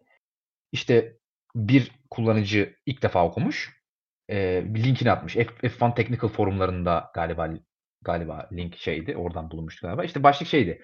İşte Schumacher'in F Ferrari'den ayrılması ve emekli olması ile ilgili işte Montezemolo'nun rolüyle ilgili bir yazı. İşte çok enteresan geldi falan filan yazmıştı. Dedim bu ne yazısıymış falan. Tom Ribiton diye eski bir F1 gazetecisi vardı. Muhabir demeyeyim çünkü gazeteciydi o daha doğrusu. Business F1 adında da bir web sitesi vardı bu arkadaşın. Şu an aktif değilmiş. Bak, baktım yazıyı okurken. Eskiden çok önemli bir yazı şeydi ama. Çok önemli bir e, haber kaynağıydı. Çünkü adından da anlayacağınız üzere Business F1 genelde böyle pist üstü şeyleri değil. İşte hangi pilot hangi takımla görüşüyor, hangi takım hangi sponsorluk anlaşmasını yapabilir, hangi sigara firmasıyla, hangi bilmem ne firmasıyla sponsorluk anlaşması yapabilir. Bunları çok hani hakikaten business tarafından haberler paylaşıyordu genelde. Kimsenin alamadığı haberleri paylaşıyordu. İşte o yüzden o anlamda önemliydi yani. Bu Tom Ribiton'un bir yazısı. Çok uzun bir yazı. Ben bunu yıllar önce okuduğumu hatırlıyorum. Tamamen aklımdan çıkmış. Tekrar bu işte önüme düşünce Reddit'te açtım okudum. Hakikaten muhteşem bir yazı. Şimdi biraz ondan bahsetmek istiyorum. Yani insanlar çünkü hep biraz daha bu işi daha eskiden takip edenler veya işte son dönemdeki Schumacher belgeselini Netflix'in izleyenler falan hani hep bir merak etmiş olabilirler. Yani bu Schumacher niye ayrıldı kariyerinde tepedeki ya? Şampiyon oluyordu neredeyse o sene. Hani Japonya'da motoru patlamasa belki de şampiyondu 2006'da. Schumacher şampiyon emekli olacaktı yani. Hani neden böyle bir şey yaşandı? Hala tepe performansına çok yakın, prime'ına çok yakın bir performans veren Schumacher neden emekli oldu? Ferrari nasıl izin verdi buna falan? Şimdi arkadaşlar olay şöyle. Kısaca anlatacağım. Daha sonra hatta Koray'dan da bir ekleme isteyeceğim bu konuyla ilgili. Bir dipnot hikaye var çünkü. Ee, onu da Koray'dan dinleyeceğiz. Şeyden bahsediyorum Koray. Bu e, 1999'da Schumacher'in sakatlıktan dönerken ki e, hikayesi. O, onun notları sende var biliyorum. O hikayeyi senden dinleyeceğiz. Oraya gelince. E, şimdi 2006'da arkadaşlar şöyle bir olay var. Enteresan. O zaman o dönem Formula 1'de e, tepe pilot. 3 tane tepe pilot var. En yüksek profilli 3 pilot. Formula 1'in en iyi 3 pilot olarak alınıyor. Fernando Alonso, Kimi Raikkonen, Michael Schumacher. Schumacher Ferrari'de, Raikkonen McLaren'da. 2005'ten bahsediyorum. Alonso da Renault'da. Şimdi 2005 şöyle bir enteresan durum var yine bu 3 pilotu ilgilendiren. 2006'nın sonunda hepsinin sözleşmesi bitiyor. Hem Alonso'nun hem Schumacher'in hem Raikkonen'in. Şimdi normalde beklenen şu 2005'te. Yani hiçbirinin takımından ayrılmak için bir sebebi yok. Raikkonen McLaren'ın kralı. Çok ciddi para kazanıyor. Schumacher zaten Ferrari eşittir Schumacher. E, Alonso zaten şampiyonluğa yarışıyor. E, Briatore ile arası çok iyi takım patronuyla. O kadar iyi ki Briatore onun aynı zamanda menajeri. Yani sadece takım patronu değil menajeri aynı zamanda. Herkes yerinden memnun. E zaten şampiyonluğa oynuyor Alonso Renault'la. Herkes yerinden memnun gibi görünüyor. Ee, ama 2007'de gelinen noktada McLaren pilotu Raikkonen'in Ferrari'ye geçtiğini, Renault pilotu Alonso'nun McLaren'a geçtiğini, Schumacher'in emekli olduğunu gördük biz. Şimdi bu nasıl yaşandı? Neden böyle bir şey oldu? Resmi hikayeye tekrar değineceğim. Biz şöyle biliyoruz. Raikkonen şey e, Ferrari emekli olmaya, e, Schumacher emekli olmaya olma kararı aldı. Schumacher emekli olduğunu gören Ferrari onun gibi üst profil bir pilot olan Raikkonen'e parayı bastı aldı. E, Alonso zaten 2005'in sonunda açıklandı Alonso'nun Renault'a gideceği 2007'de. E, o da işte Raikkonen'den Raikkonen'de baktı ki Alonso geliyor. Ferrari'den teklif gelince Alonso ile yarışmak yerine Ferrari'ye gitti. Böyle biliyoruz biz. Ama böyle değil hikaye. Ben okuyunca hatırladım. Tabii ki bunların hepsinin spekülasyon olduğunu da tekrar hatırlatalım ama yani hep söylediğimiz bir şey vardı. Ferrari, Formula 1'de genelde bir spekülasyon e, bu kadar net konuşuluyorsa doğrudur arkadaşlar. Yani doğrudur yani. Ki zaten biz bunların e, e, e, emarelerini görüyorduk yani. Şimdi şöyle bir durum. 2005 yazındayız. O zaman Raikkonen'in bir menajeri var. David Robertson diye, Robertson diye bir adam. Çok hakikaten yam yam bir adam yani. Pazarlık vesaire konularında, para konularında falan. Ron Dennis'le o zaman o dönem McLaren'ın takım patronu, ünlü takım patronu Ron Dennis'le oturuyorlar konuşuyorlar. Şimdi Raikkonen kontratında da şöyle bir enteresan durum var. 2001'de biliyorsunuz Sauber'le Formula 1'e gidiyor Raikkonen. Ee, McLaren 2002 için Raikkonen'i Sauber'den alırken Raikkonen'in aktif sözleşmesi var Sauber'le. Konuşulan 15-20 milyon dolar civarı bir para veriyor Peter Sauber'e Ron Dennis, McLaren yani. Raikkonen'in sözleşmesini iptal edip McLaren'ı alabilmek için. Çok ciddi bir para. Yani bir pilot alabilmek için. Ve Raikkonen'le de şöyle enteresan böyle yıllardan yıllara artış gösteren bir sözleşme imzalıyor McLaren. 2002 ve 2003'te ilk iki senesinde böyle nispeten mütevazi bir maaş. 2004 ile 2006 arasında senelik 40-45 milyon dolarlar civarında çok yüksek bir para. Yani top maaş neredeyse. Hani Schumacher kadar bir para neredeyse. 2007-2009 arasında da takım opsiyonlu yani McLaren'ın isterse aktif edebileceği bir opsiyon ekstra 3 senelik ama maaşı biraz daha artıyor. Yani 40-45'ten belki 55-60'lara korkunç paralara çıkıyor. 2005 geldiğinde de Şöyle bir durum var McLaren'da. 2002 Raikkonen, 2003 Raikkonen, 2004 Raikkonen, 2005 Raikkonen. Şampiyonluk yok. 2005 yazında zaten McLaren'ın yani en azından pilotlar şampiyonluğunu alamayacağı da 3 aşağı 5 yukarı belli olmuş. Alonso çok açmış arayı. Bir de o dönemki kurallarda e, izleyenler hatırlar. E, puan sistemi de bugünkü gibi değil. 25-18 şimdi 7 puan fazla alıyor kazanan. O zaman 2 puan fazla alıyordu. 18-6 diye gidiyordu. Yani yarış kazanmanın çok bir olayı yoktu. Yarış bitirmek çok da önemliydi. Hani e, iki tane yarışta ikinci olmak hani zaten 16 puan kazandırıyor. İki yarış kazansan 20 puan alıyorsun. İki yarış ikinci bitir 16 puan alıyorsun. Sadece 4 puan fazla alıyorsun. Bir olayı yok yarış kazanmanın o kadar. Ve Raikkonen DNF'leri zaten yaz arasına kadar olan DNF'leri zaten şampiyonluğu çok geriye atmış. Şampiyonluk umudu yok. Şimdi Ron Dennis oturuyor bakıyor. Büyük ihtimalle yani ben benim yorumum bu. E 4 senelik Raikkonen şampiyon yok. Ve üstüne üstlük bir tane daha çok kritik bir değişken var o dönem Formula 1'de. Avrupa'da zaten 2-3 senedir bazı ülkelerin kendi bireysel, eee, inisiyatifleriyle uygulamaya başladığı sigara reklamı yasağı artık Avrupa Birliği resmi kuralı hâline getirildi, kanun hâline getirildi. Ve ne oluyor? 2006'dan itibaren artık araçlarda görünür, gözle görülür şekilde sigara reklamı yapmak yasak. E, şimdi bakıyorsunuz arkadaşlar, Ferrari'nin sponsoru Marlboro. McLaren'ın sponsoru West, bir sigara markası İngiliz. Eee, Renault'un sponsoru Mild Seven, yine bir sigara markası. Bu 3 o o dönemki tepe takımında en büyük sponsorluğu sigaralardan geliyor, sigara markalarından geliyor. Yine aynı şekilde Bar Honda, British American Tobacco'dan geliyor, British American Racing. E, bunların hepsine sekte vurduruyor. Jordan zaten bir o birkaç sene önce kaybetmişti şeyi, emm, Benson& Hedges sigarasını ama hani hepsi kaybetti yani. Ve sigara sponsorluğu Formula 1 için her şey demekti Formula 1 takımları için. Çok para yığıyorlardı. Neden? Çünkü reklam verebilecekleri bu kadar büyük başka bir stage yok. Televizyona veremiyorlar, gazetelere veremiyorlar, yazılı basına veremiyorlar. Billboard'lara asamıyorlar. Hiçbir şey yapamıyorlar. Ne var sadece televizyonda gözüken? Yarışlar, yarış serileri. E, Formula 1'de en ünlüsü. O yüzden para yığıyorlardı. S sigara firmaları Formula 1 takımlarına sponsor olabilmek için. E, şimdi bu gidiyor. E, şimdi McLaren da tamam, McLaren da McLaren ama yani Ferrari değil, Renault değil, Mercedes değil, BMW değil, Toyota değil, Honda değil yani. Ne demek bu? Niye söylüyorum bunu? Otomobil üreticisi değil. Onlar gibi. Yani üretiyor. 10 senede bir tane araba çıkartıyor. Ondan da 300-500 tane satıyor.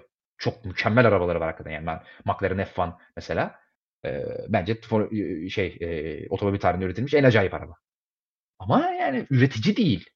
Clio'su yok. Hani Civic'i yok. Ne bileyim Corolla'sı yok yani. O anlamda söylüyorum. Bütçesi yok yani. E, şimdi West'i kaybedecek McLaren. E, West'in yerine Vodafone geliyor. Tamam, çok güzel bir sponsorluk. Okay. Büyük bir para yığıyor Vodafone McLaren'a 2007'den itibaren ama artık o güvencesi yok. Çünkü McLaren 30-40 senedir, 50 senedir şuna dayanıyordu. Zaten Marlboro aldı. Marlboro gitti, West geldi. Hani hep bir sigara bizi şey yapar güvencesi vardı McLaren'da. Bir sigara sponsoru bizi spon bizi paralar. Ama şimdi o yok. Belki Vodafone'la anlaşma iyi gitmeyecek. Şimdi ne oldu? Ya kısaca ne oldu? Ne oldu? Bu takımlar artık böyle bütçelerini daha dikkatli harcamaya başladı. Arkadaşlar 2004'te 2005'te bir pilota 50 milyon dolar vermek, 60 milyon dolar vermek ne demek? Korkunç paralar bunlar yani. Enron da işte bunu istemiyor tabii ki. Ama David Robinson, Raikkonen'in menajeri bu, bu bunu hiç düşünmüyor pazarlığa otururken. Diyor ki biz ya kesin zaten sözleşmeyi hani opsiyonu devam ettirirler. Aa Ron diyor ki yani biz bu parayı vermek istemiyoruz. Biz biraz daha mütevazi bir paraya anlaşalım diyor. Belki 30'a 35'e neyse. E David Robinson kabul etmiyor bunu tabii ki. Yok diyor biz hani kabul etmiyoruz diyor. Anlaşmıyoruz diyor. Anlaşmazlık çıkıyor ortaya. Ama Ron Dennis'te şöyle bir rahatlık var. Ya Raikkonen nereye gidecek zaten? Ferrari'de Schumacher var. Rossi gelecek deniliyor. 2007'den itibaren veya 2006'dan neyse. E, öbür takımda Renault'da zaten Alonso var. Yani nereye gidecek Raikkonen? Gene bize kalacak. Renault'da zaten para da yok. Oraya da geleceğim şimdi. E, nereye gidecek Raikkonen? Bize kalacak diyor yani. Ki yani Ferrari değil Feriştah olsanız ki Feriştah Ferrari bu işin. Schumacher varken orada ikinci pilotunuz da siz kalkıp 40-50 neyse veremezsiniz zaten. Öyle bir dünya yok. Ron Dennis de bunu biliyor. Bunun rahatlığı var. Ama David Robinson şöyle bir hamle yapıyor şimdi. David Robinson da dediğim gibi tam bir kurnaz, tam bir yamyam, tam bir çakal bu işlerde. Evet o da farkında başka takımlardan eee, çok fazla bir teklif alamayacağını, çok fazla bir kapı olmadığının ama şunun da farkında. Sonuçta bu insanlar padokta sürekli dolaşan insanlar, sürekli görülen insanlar. Sürekli şu haberler çıkıyor padokta. İşte Ferrari'de Jean Todt'la Montezemolo arasında bir fikir ayrılığı. Artık zaten hep vardı da artık bu iş hani boşanmaya gidecek, gidebilir diye konuşuluyor. Montezemolo buraya bir el atacak, bir darbe yapacak diye. Hep konuşuluyor bu yıllarda zaten. O, o dönemde de konuşuluyordu yani. E da bir şansını deneyeyim diyor. Ya. Gideyim Ferrari'ye bakayım. Ama zaten Jean Todt'tan çok bir şey çıkmayacağının farkında o da. Ama bir gidi Jean Todt da gidiyor yani. Sonuçta takım patronu. Jean Todt şey sıcak bakmıyor yani. yani bizim zaten Schumacher'imiz var diyor. Schumacher istemez diyor zaten ki haklı istemiyor Schumacher. Ee, ama Montezemolo var bir de orada. İşte Montezemolo da o dönemdeki artık egosu öyle bir seviyeye çıkmış ki özellikle Jean Todt ve Schumacher hani Brown'u da katalım ama özellikle Todt Schumacher ikilisine karşı olan hani kibri diyelim onlara onları devirme isteği o kadar enteresan noktalara ulaşmış ki sırf Jean Todt istemiyor diye bile yapabilir böyle bir hamleyi. Ve hakikaten de sıcak bakıyor Raikkonen'e. Eee, Montezemolo ama Montezemolo bile olsanız Ferrari'nin başkanı bile olsanız koca Ferrari grubunun. Şimdi orada bir Schumacher var abi. Schumacher o yani Formula 1'in o dönem en önemli figürü. En önemli bak pilot değil figür ya. En önemli figürü. O ne derse o yani. Ki daha önce de o ne derse de o olmuş. Kore'ye vereceğim birazdan söz oraya gelince. Benzer bir olayda. Ama şimdi Montezumma'da da şu var. Bir daha olmayacak abi. Bundan sonra ben ne dersem o olacak kafasında o da. Ben ne dersem o. Ben Ferrari'nin başkanıyım. Bir de Montezuma'da gelenekçi bir adam. Arkadaşlar John Todd'la olan düşünce yapısındaki şöyle bir farklılık var Montezuma'nın. Montezuma Enzo Ferrari kafası. Zaten Enzo Ferrari'nin eliyle seçtiği bir insan. Ferrari'nin başına koymak için. Onun yetiştirdiği bir insan. Aynı kafadalar. O kafada şu. Agnelli ailesiyle de yakın zaten. Ee, Montezuma. Pilot önemli değil. İsimler önemli değil. Ferrari önemli. Ferrari bir şey yaparsa zaten pilot yarışır kafasında. E şimdi ama 2000'lere gelinmiş. E bu yanlış bir kafa. E yanlış bir kafa. Yani öyle olmuyor işler. Biliyoruz artık bunu gelinen noktada. O yüzden o personellerin çok fazla ön plana çıkması Montezemolo kafasındaki bir adam için doğru değil. Ama Jantot öyle değil. Jantot çok daha bu konuda acımasız bir insan. Jantot en iyileriyle çalışır. Yani Ferrari kelimesinin başarı anlamında pist üstünde bir şey bir anlam ifade etmediğinin farkında. Böyle hani soyut e, kavramlarla çok fazla kafa yoran bir insan değil Jantot. Daha çok daha şey e, rasyonel bir e, bakış açısı var bu konuda. En iyisiyle çalışacaksın diyor. İster Ferrari ol, ister e, Red Bull ol, kim olursan ol, ister Toyota ol. En iyisi değilsen hiçbir şey değilsin diyor yani. Senin Ferrari olan bir anlam ifade ve doğru. No işte 16 senedir görüyoruz işte. Ne kazandı Ferrari 16 senedir. Neyse. David Robinson, Raikkonen'in menajeri dediğim gibi bir bir konuşuyorlar Montezemolo ile. Montezemolo sıcak bakıyor. Ama şimdi durum şu. Ferrari'nin Valentino Rossi ile ön anlaşması var 2007 senesi için. Böyle bir opsiyonlu bir anlaşma imzalanmış. Yani e, imzalanmış değil daha doğrusu bir hani bir bir an, sözlü bir anlaşılmış yani öyle söyleyeyim size. Hani Rossi ve Ferrari tekrar bir sene sonra oturup görüştüklerinde eğer ikisi de fikrini değiştirmemiş olursa Rossi anla, yarışacak 2007'de Schumacher'in yanında. Ve bu basına da yansıyor. Ross Brown açıklama yapıyor. Schumacher açıklama yapıyor. Çok isterim diyor onu Ferrari'de görmek. Ross Brown diyor ki testlerde gayet iyi performans gösterdi. Onu aramızda görmekten mutluluk duyuyoruz falan filan diyor. Yani daha ne denecek yani? Ve dediğim gibi Todd Schumacher'in Raikkonen'le yarışmaya sıcak bakmayacağını da biliyor zaten. Biliyor yani. Ama Montezuma dinlemiyor hiç bunları. Yok Rossi ile anlaşma varmış bilmem ne varmış falan filan. Gidiyor Ray, Raikkonen'in menajeri David Robinson'da tıpkı Rossi ile imzalandığı gibi ön, ön sözleşme imzalıyor 2007 için. Şimdi durum bir anda şu oluyor. Schumacher sözleşmesi 2006 sonunda bitiyor. Valentino Rossi ile imzalanmış bir yani daha doğrusu anlaşılmış bir ön koşullu sözleşme var. Bir de Raikkonen'le var. Üstelik Raikkonen'le bir imza da atılmış böyle. Eğer bu anlaşmadan vazgeçilirse bilmem kaç milyon dolar böyle tam bilinmiyor ama 5-10 milyon dolar civarı bir para da ödenmek zorunda Raikkonen'e. Biz bu anlaşmadan vazgeçtik diye. Bayağı kağıda da dökülmüş yani. E şimdi böyle enteresan bir durum. Şimdi David Robinson'ın amacı şu. Bu ön ön sözleşmeyi alacak, Ron Dennis'e götürecek. Bunu bir pazarlık amacı olarak kullanacak. Hani diyecek ki bak biz Ferrari sözleşme imzaladık ha falan. Bak yani bizim istediğimiz parayı vermezsek biz gidiyoruz Ferrari'ye diyecek yani. Güzel plan aslında David Robinson için, Robinson için. Şimdi Ron Dennis biliyorsunuz çok enteresan bir adamdır. Yani Montezumma'dan eksiği yoktur. Ron Dennis'e böyle blöfler çekemezsiniz. Yani Ron Dennis böyle blöfleri çekti diye Adrian Newey ile bile yollarını ayırdı. Yani öyle bir adam, manyak bir adamdır Ron Dennis yani. Ben hep Aziz Yıldırım'a da benzetirim yani. O, yani yapamazsınız öyle bir şey. Ron Dennis gıcık oluyor tabii ki. David Robinson'a ve Raikkonen. Sen misin öyle diye yapan diyor. Paddock'ta da şimdi iddialar dolaşmaya başlamış ya David Robinson çıkardıktan sonra işte Ferrari'ye gidiyor Raikkonen bilmem ne falan McLaren'ı terk ediyor falan bilmem ne falan. Bu, tekrar söylüyorum bunlar 2005'te oluyor. Raikkonen, şey, Ron Dennis gidiyor. Öyle mi abi? Ben de o zaman Raikkonen yerine pilot bakıyorum diyor. Şimdi o dönemde de kim var? E Schumacher alamazsın zaten. Alonso. Şimdi bir de, şimdi Alonso'ya gelmişken bir de Renault'a gelelim. Renault'un durumuna göre. Biliyorsunuz Alonso'nun da sözleşmesi 2006'nın sonunda bitiyor. Şimdi Renault'da da durum şu. Onlar da az önce bahsettim. Mild 7'ını kaybediyorlar. E, 2006'nın sonundan itibaren. 2007'nin başından itibaren Mild 7 gidiyor. Sigara sponsorları. Korkunç bir bütçe yok oluyor. Şimdi Renault zaten o dönemde Ferrari ve McLaren kadar ve Toyota kadar ve Honda kadar para harcamıyor zaten. Formula 1'e. Renault'un 2005 ve 2006'daki şampiyonlukları aslında bütçelerine bakıldığı zaman oldukça yani mucizeye yakın. Yani mucizeye oldukça yakın yani. Çünkü bütçeleri daha düşük bu takımlar. Oldukça da daha düşük. Yani hem imkanları hem bütçeleri. Gerçekten büyük bir başarı. Üstelik de kendi motorlarını ürettiklerini düşündük ürettiği ürettikleri düşünüldüğünde. Yani motoru da başkasından almıyorlar bu bütçeyle. Bir de bu bütçeyle kendi motorunu yapıyorlar. Yani oldukça büyük bir başarı.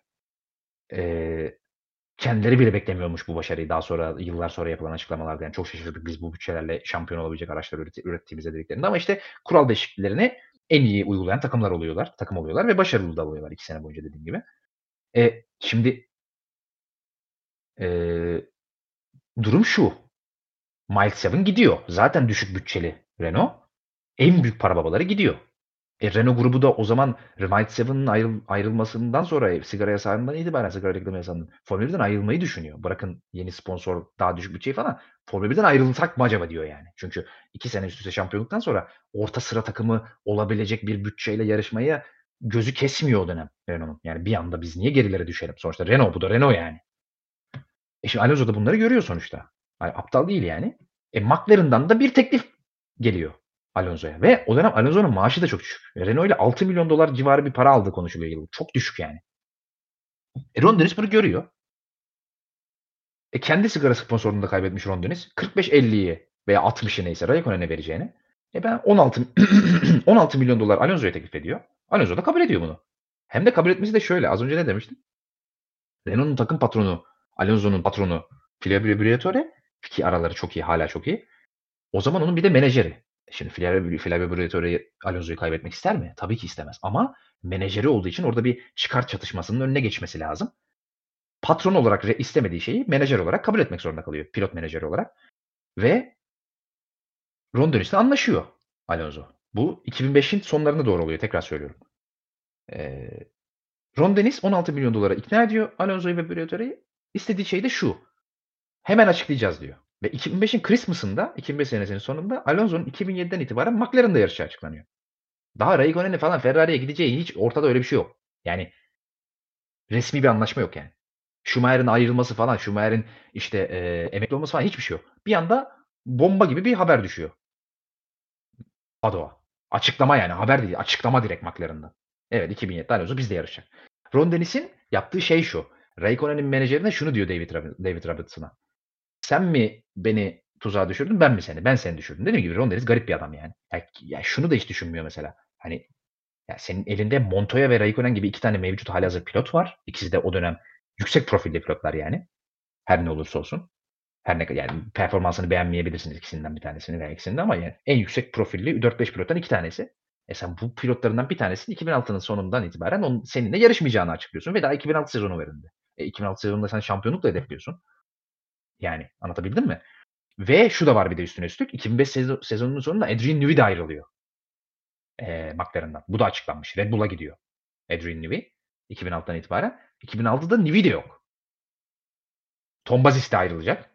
E, senin en önemli iki teknik adamın gidiyor. Üstüne üstlük bir de pilotlarını rahatsız ediyorsun. Yani bence çok skandal bir hareket. Ee, hani bunu yapması. Ya yapıyorsan da 2006'da yap abi. Hani ya Ron Dennis garip bir adam. Oraya çok girmek istemiyorum yani. Şimdi durum şu. Alonso ayrılıyor Renault'dan. Renault gitti zaten. Renault sponsorluk da kaybetti. Çok büyük bir sponsorluk da bulamadı onların yerine. 2007 biliyorsunuz 2007 2008'de zaten orta sıra takımı oldular. Renault çıktı denklenden. Şimdi Alonso McLaren'a gitti. McLaren'da birinin ayrılması lazım. Ya Raikkonen, ya Raikkonen ayrılacak ya Montoya ayrılacak. Ferrari de Raikkonen'le Montezuma'da gitmiş söz, ön sözleşme imzalamış. E, bir Rossi var. Bir de Schumacher var. Bir de Barrichello var. Dört tane pilot var iki, iki koltuk için yarışan. Şimdi Barrichello şöyle bir duruma bakıyor 2005'te. Ulan Raikkonen haberleri çıkıyor. Rossi'yi bizimkiler zaten konuşuyor. Rossi'yi isteriz mi isteriz falan. Daha bizimki yani bırak haberi bizim takım patronu falan ağzıyla söylüyor Rossi ile görüştüklerini. Anasını satayım bana burada çok ekmek kalmadı diyor Barrichello 2005'te. 2006'ya kadar da sözleşmesi var halbuki Barrichello'nun. Honda da Barrichello'yu çok istiyor. Honda'da da şöyle bir durum var. Az önce bahsettim. British American Racing Bar Honda olarak yarışıyorlar. British American Racing aslında e, takımın sahibi. Honda motor üretiyor ama Honda 2005'in sonundan 2006'nın başı için 2005'te anlaşma imzalıyorlar ve ta- takımı ta- komple satın alıyor Honda. Honda fabrika takımı haline geliyor direkt yani. Hem şasiyi hem motoru yapacak yani. Honda oluyor direkt takım. E şimdi onlar da Batı'nın yanında zaten iyi bir pilotları var ellerinde Jensen Button. Hep yıllar boyunca bir iyi bir ikinci pilot aradılar. Sato Mato denendi. Çok olmadı. Villeneuve olmadı falan. E, oraya Barrichello istiyorlar. Hani araçın geri, araç gelişimine yardımcı olsun diye ve Barrichello da hala nispeten o zaman genç bir pilot yani. Ha, yani yaşlı ama O kadar değil yani. Ve hala tepe performans gösterebilecek bir ve çok da para veriyorlar Barrichello'ya. 3 senelik bir sözleşme koyuyorlar önüne. E Barrichello da baktı ki Ferrari'den bana ekmek yok kaçıyor. Şimdi Ferrari'ye bir de- değişken daha geliyor. Çünkü 2006'yı da Barrichello, Schumacher ikilisiyle bitireceklerini planlarken bir anda 2006'nın ikinci pilotu ortaya çıkıyor kim olacak diye. Hemen oradan bir ara çözüm bulunuyor. Gidiyorlar Sauber'e. Massa'yı alıyorlar bir senelik sözleşmeyle 2006'nın sonunda. Ve planları şu Massa zaten 2006'nın sonunda gidecek. Yani bir ara, ara çözüm oldu Massa onlar için. 2007'de biz zaten e, John öyle planlıyor yani. 2007'de biz zaten Rossi Schumacher yapacağız büyük ihtimal diyor. Ama Domenicali'nin planları başka. Domenicali'nin elinde Raikkonen'le sözleşme var. E şimdi David Robinson da bir de tutuştu. Niye?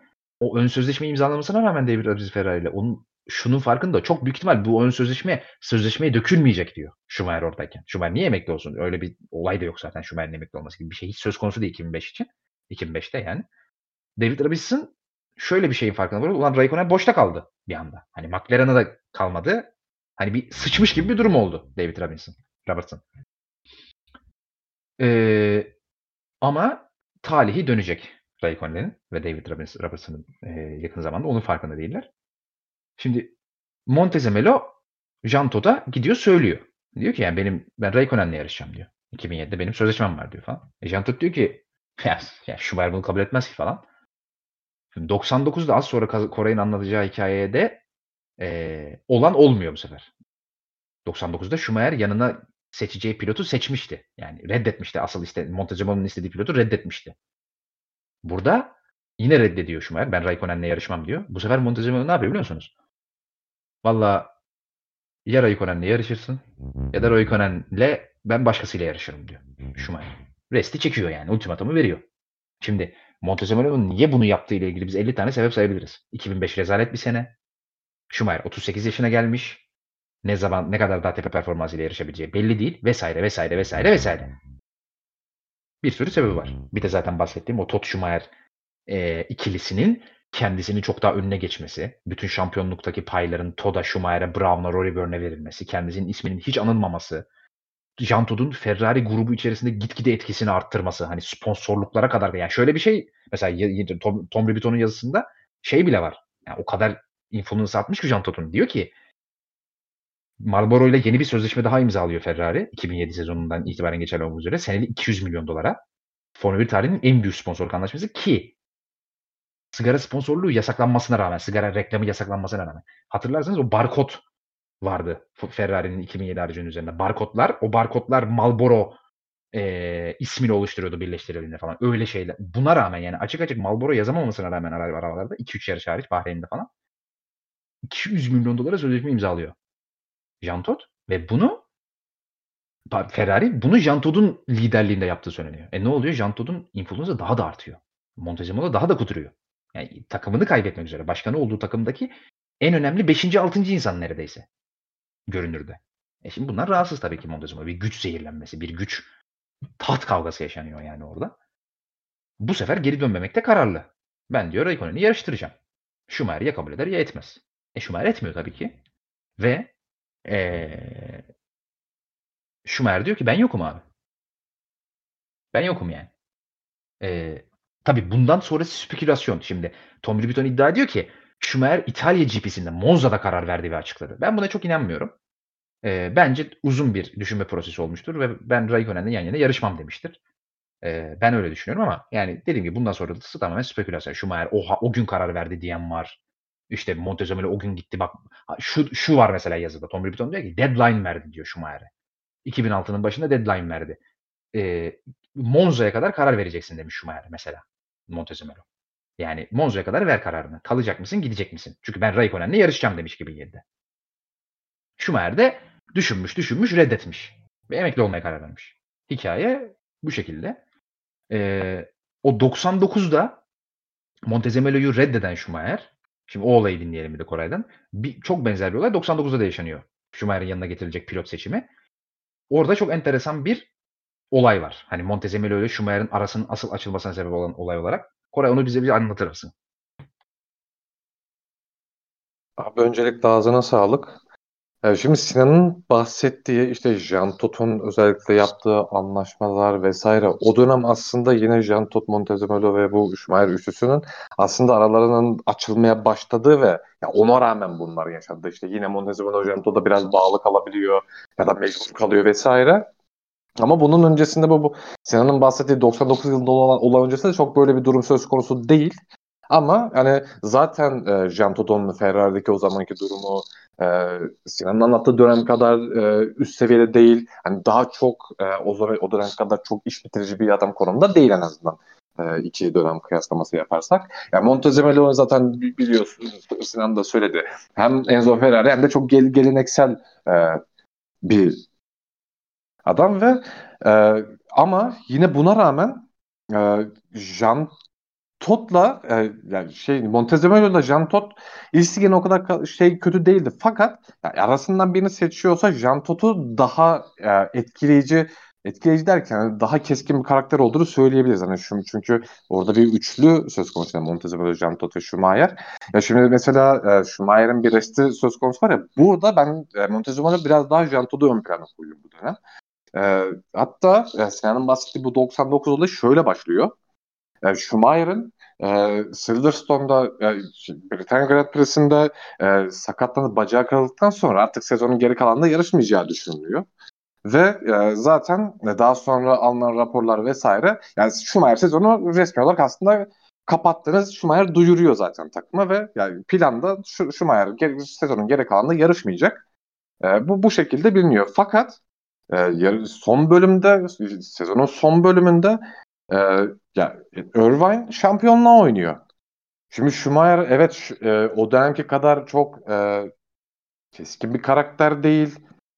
Ya da nasıl söyleyeyim? Ya profili tamamen oluşmuş bir pilot değil ama ya şimdi o zaman da mesela Schumacher genç Schumacher'da aynı şekilde işte nasıl söylersin? E, yani rakip takım arkadaşının şampiyon olma, olmasını doğal olarak istemez ve ya biraz mobbing mi dersiniz ya da ne bileyim işte e, ya en azından ya çok te, te, temiz düşüncelere sahip olduğunu söyleyemeyiz bu dönemde Schumacher'ın. E, zaten e, dediğim gibi Irvine şampiyonluğa gidiyor ya tam şampiyonluğa gidiyor diyemez. Çünkü hem e, Hakkinen şampiyonada önde ama böyle bir ihtimal var. Schumacher de doğal olarak şampiyon olmasını istemiyor ve buna bu, bu konu Jean Todt'la konuşuyor. Schumacher. E, bu arada e, şey yarışı e, Schumacher'ın yarışamayacağı e, yarışlar Malezya ve Japonya yarışı yanlış hatırlamıyorsam ayın 3'ünde de Malezya yarışı vardı. Ve bundan e, öncesi öncesinde galiba Almanya yarışıydı.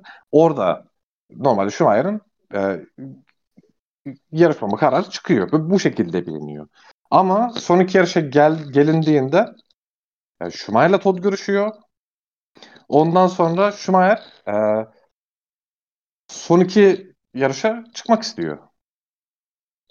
Daha sonra e, bu e, şeyle beraber çünkü hani Schumacher direkt olarak kendi takıma bildirip aslında ben son iki yarışta da yarışa çıkacağım demiyor. Önce Janto'da gidiyor ve aslında Jantot da bunu direkt olarak takımla paylaşmıyor aslında. Biraz orada Schumacher'la Jantot arasında bir işbirliği diğer takımdan takımdan gizli bir işbirliği söz konusu. Daha sonra e, bu açıklanıyor ve e, Schumacher'ın yarışlara döneceğinden bahsediyor. Dö- döneceği açıklanıyor ve bu durum aslında e, Irvine'ı hem rahatsız ediyor hem de aslında bir bakıma Irvine işe giriyor. Çünkü e, Salo'ydu yanlış hatırlamıyorsam Schumacher yerinde yarışan dönem. Irvine'a şampiyon evet. hiç yardım edemiyor. Yani bir, bir iki yarışta galiba podyum var. Geri kalanı neredeyse puan alamayacak seviyelerde de ya çok kötü performans gösteriyor. Yani zaten Schumacher ve yani üçüncü pilottan bahsediyoruz. Geri kalan zaten bir performans beklemek çok doğru olmaz ama Şimdi böyle, böyle bir durum var. Fakat Schumacher'de yani profilde az çok bilinen bir, bir adam yani en, en, en azından 97 miydi 98 miydi bu puanlarının silindiği sezon Schumacher'ın? 97. Yani çok 97. Zaten Schumacher'de çok temiz profile sahip bir insan değil. Ve ya bu durumda Schumacher'ı hem ikna etmek gerekecek çünkü Schumacher'e sen e, ben benim ikinci pilotum olsana diyemezsiniz kolay. Hem bunu zaten takımda diyemez. Üstüne bunu isteyecek pilot Irvine.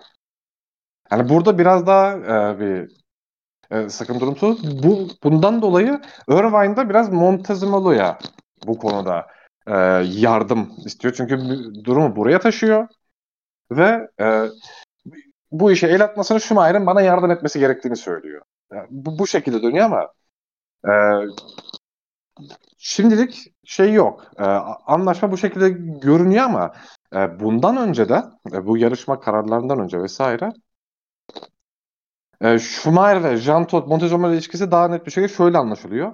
E, bu Schumacher'in e, yarışlara dönmeden önce vesaire en azından hani sezonu kapattığı belli oldu Schumacher'in. E, sezona geri dönmeyecek. Bu dönemde bu dönemden sonra e, Montezemelo Schumacher'ı arıyor evine e, İsviçre'de. Telefonu Schumacher'ın kızı Gina açıyor. Ve orada işte ne haber, ne yaptın, ne ettin işte muhabbetlerden sonra doğal olarak da baban ne yapıyor falan sorular vesaire. Ondan sonra babasının sağlığına kavuştuğunu işte e, işte ateldir, işte koruma ayaklıklarıdır artık neyse. Yani çıkarttığını artık hatta spor yapacak duruma geldiğini işte e, kardeşleriyle vesaire futbol maçları yaptığını vesaire bunları kızı söylüyor. Tabii hani direkt söylemiyor. İşte ayakkabı önce işte artık sağlığına kavuştuğunu, yürüdüğünü vesaire söylüyor. Daha sonra işte Montezemelo, Montezemelo e, Cine'ye sıkıştırıyor ve daha fazla bilgi alıyor. İşte bu, bu şekilde Schumacher aslında futbol oynamaya başladı, fiziken düzeldiğini vesaire bu şekilde öğreniyor. Daha sonra telefona Schumacher geldikten sonra ya bu konuyu Montezemelo Schumacher'e söylüyor. Kızın dedikleri vesaire doğru mu? Ama ya doğal olarak Schumacher de yani ne desin artık kızı her şeyi söylemiş. Ya doğru diyor. Ondan sonra e, o zaman diyor ki sen madem bunları yapıyorsun gel Malezya'da Japonya'da yarış. Ve e, bu dönemde de e, bu Schumacher'ın e, geri dönüş olayından önce yaşanıyor bu arada tam net kararından önce.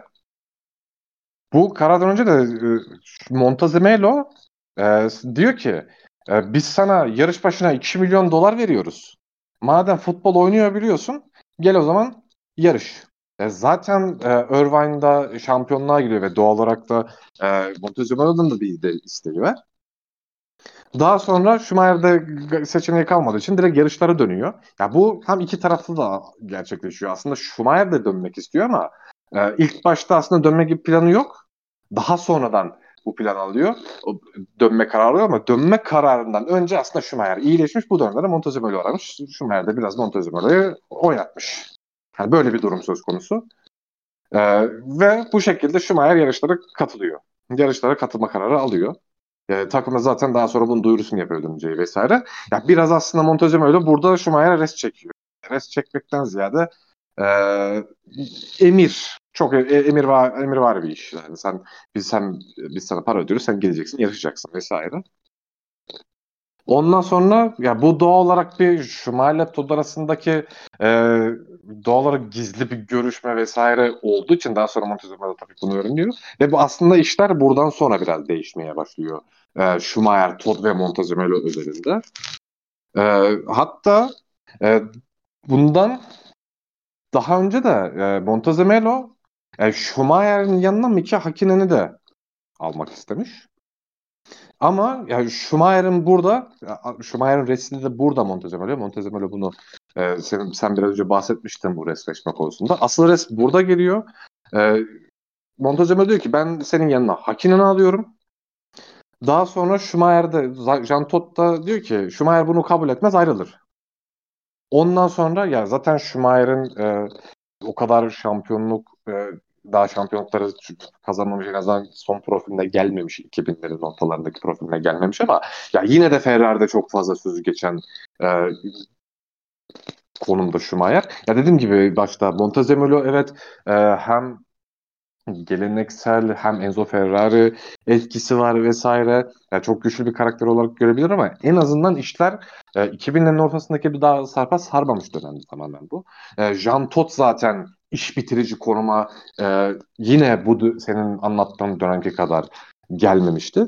Ve e, burada Jean Todt'un direkt uyarısıyla Mika Hakinen'i alamıyor Ferrari şeyin yanına. Ve Montezemolo yani hem bu blöfü, Schumacher'in ayrılma blöfünü e, yiyor ve doğal olarak e, Mika Hakinen'i e, Schumacher'ı kaybetme pahasına getirme riskine e, giremiyor. Ve burada aslında Jean Todt ve Schumacher'e karşı ha e, aş, alt seviyede kalmış oluyor. Burada en azından burada galip çıkan Schumacher'le Jean Todt olmuş oluyor. E, zaten e, senin anlattığın dönemde de e, Jean Todt aslında ilk başta hakimini getirmek istedi. Kendi biraz hani güç savaşları da orada başladıktan sonra senin anlattığın Raikkonen dönemi yani bu, bu mevzunun e, devamı gibi oldu aslında. Orada yapamayıp bu işi e, Raikkonen'le yapmaya başlamıştı ve sen zaten Schumacher dönemini anlattın. İşte Schumacher zaten aslında Montezemelo için e, bir değer kaybetmişti o dönem. Ve artık hani ben Schumacher'i e, bu kadar şey yapacak hani Schumacher daha güçlü konumda olacak olacakken ben daha iyi konuma geçerim. İşte Raikkonen yapmış olduğu ya sen zaten söyledin bu e, Schumacher'in emekli ettirilme çünkü biraz zorla bir durum söz konusu. Ya sonuçta bir, bir sürü e, pilot değişim vesaire oldu ama burada bence ya en çok mesela bu pilot değişimleri vesaire işte şey e, Raikkonen istedi, Montezemelo Raikkonen istedi ama ya burada mesela e, Raikkonen'in gelmesindeki en büyük etkenlerden biri şimdi senin anlattığın dönemde işte ee, hem David Robertson içinde bulunduğu işte Ron Dennis'in içinde bulunduğu Renault'un e, etkin olduğu aynı zamanda Briatore'nin bulunduğu bir karmaşa olan durum aslında onun başlangıcı 2001'de pardon 2000 yılında başlıyor aslında bu dönem. E, 2000 yılında işte e, Alonso'nun aslında e, e, şeyde Ferrari aslında hep şey söylenir. E, Alonso'yu Briatore'nin keşfettiği aslında bu bilinir ama Briatore'dan önce e, Alonso'ya ilk giden teklif Jean Dot'tan gidiyor. Koray bu arada bir şey yazdım. Bir ona bakar mısın? Sözünü verdim pardon. Ha. Ha, e, pardon. E, aslında e, Alonso'ya F3000'deyken o çok iyi bir sezon geçiriyor 2000 yılında ve orada ilk teklifi aslında Ferrari yapıyor ve e, Alonso'yla Ferrari bir ön anlaşma imzalıyor o dönem. Jean Todt hatta bu anlaşmayı yapan. Daha sonra e, Briatore e, Alonso'yu zaten daha önceden Minardi'nin sahibiydi yanlış hatırlamıyorsam. Hisselerini satmıştı ama hem hala orada sözü geçen biriydi hem de Alonso'nun menajerliğini yapmaya başlıyor dönem ve Alonso'yu Minardi'ye getiriyor bu şekilde 2001'de. Ve e, Ferrari de şey Jean Todt da Alonso'yla daha önceden ön anlaşma yaptığı için bu ön anlaşmayı da Alonso bozduğu için ee, zaten daha sonra Jean Todt da bununla ilgili açıklama yapıyor. Diyor ki ben bu olayı evet. kişisel algıladım. Evet. Ve bu olayın aslında Raikkonen'e gitmesinin nedenlerinden biri de aslında e, Alonso'nun da e, Ferrari'ye ya da Jean Todt'a orada e, anlaşma Jean Todt'a karşı anlaşmaya uymamasıydı. Ee, ya burada mesela şey e, David Robertson tarafı evet mesela sen anlattın. E, Ron Dennis tarafını bence e, bir şey olarak çok güzel işliyor Raikkonen'in e, şeyi kontratı imzası vesaire ama ya mesela Ferrari tarafında ben Robertson'ın çok ya Ron Dennis'e yaptığı kadar vesaire çok iyi bir iş başardığını ben düşünmüyorum. Çünkü ya sen zaten biraz önce bahsettin. Ferrari'de işte bir Valentino Rossi şeyi var ihtimali var ama ya şimdi Valentino Rossi'nin e, Ferrari ile anlaşma en azından bir ön anlaşma imzalamasının en büyük nedenlerinden biri de Schumacher. E şimdi zaten ipler bu kadar Montezemolo ile Schumacher Todt arasında gerilmişken e, Schumacher'in Ferrari'ye getirmek istedi. Çünkü ya getirmek istediği şöyle ya Schumacher'la baya yakın arkadaş Rossi. Ve zaten sen de söyledin Rossi testlere e, çıktıktan sonra tur dereceleri de beklenenden iyi geliyor. Tamam evet e, bir şampiyonluk ya da şampiyonla yarışabilecek bir pilot ya da işte e, MotoGP'deki kadar çok üstün, görkemli bir performans tabii ki yok. Çünkü çok başka bir seri. Ama e, Schumacher'ın net istediği şeylerden biri.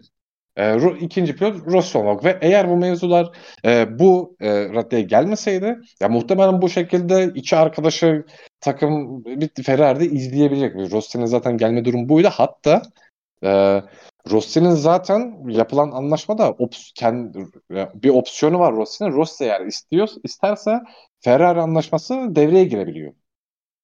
Hani bu şekilde bir anlaşma var orada. Fakat hem Schumacher'ın durumu hem Montezemolo'da zaten e, Rossi istemiyor. Çünkü o e, Hakinen'den sonrasında o bahsettiğim işte Schumacher'in ve Todd'un blöf durumundan sonra Hakinen'i alamıyor.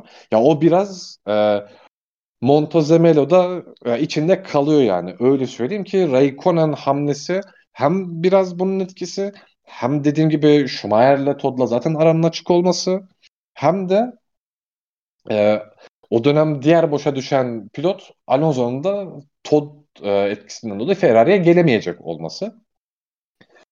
E, zaten bu şekilde Ferrari biraz Raikkonen'e mahkum duruma geliyor. Onun için mesela David Robertson'ın e, McLaren üzerinde kurduğu hegemonya aslında burada Ferrari'nin de e, Raikkonen'e biraz mecbur kalmasına oluyor. Çünkü Raikkonen e, Ferrari anlaşması o, o zaman pek öyle yani en azından basında ya da takımlar arasında bilgi olarak çok öyle görünmüyor ama muhtemelen e, Raikkonen cephesi ve Ferrari cephesinde artık bu iş tamamen bitti olarak e, görülüyor ve e, daha sonra bu e, Hakinen'le imzalama, hazır, imzalayamadı ama bir de şöyle bir durum var. Şimdi e, şimdi 2000 şey, 1999 yılında başlayan bir ara açılma durumu var bu üçlü arasında ve bu 2006'ya kadar devam ediyor.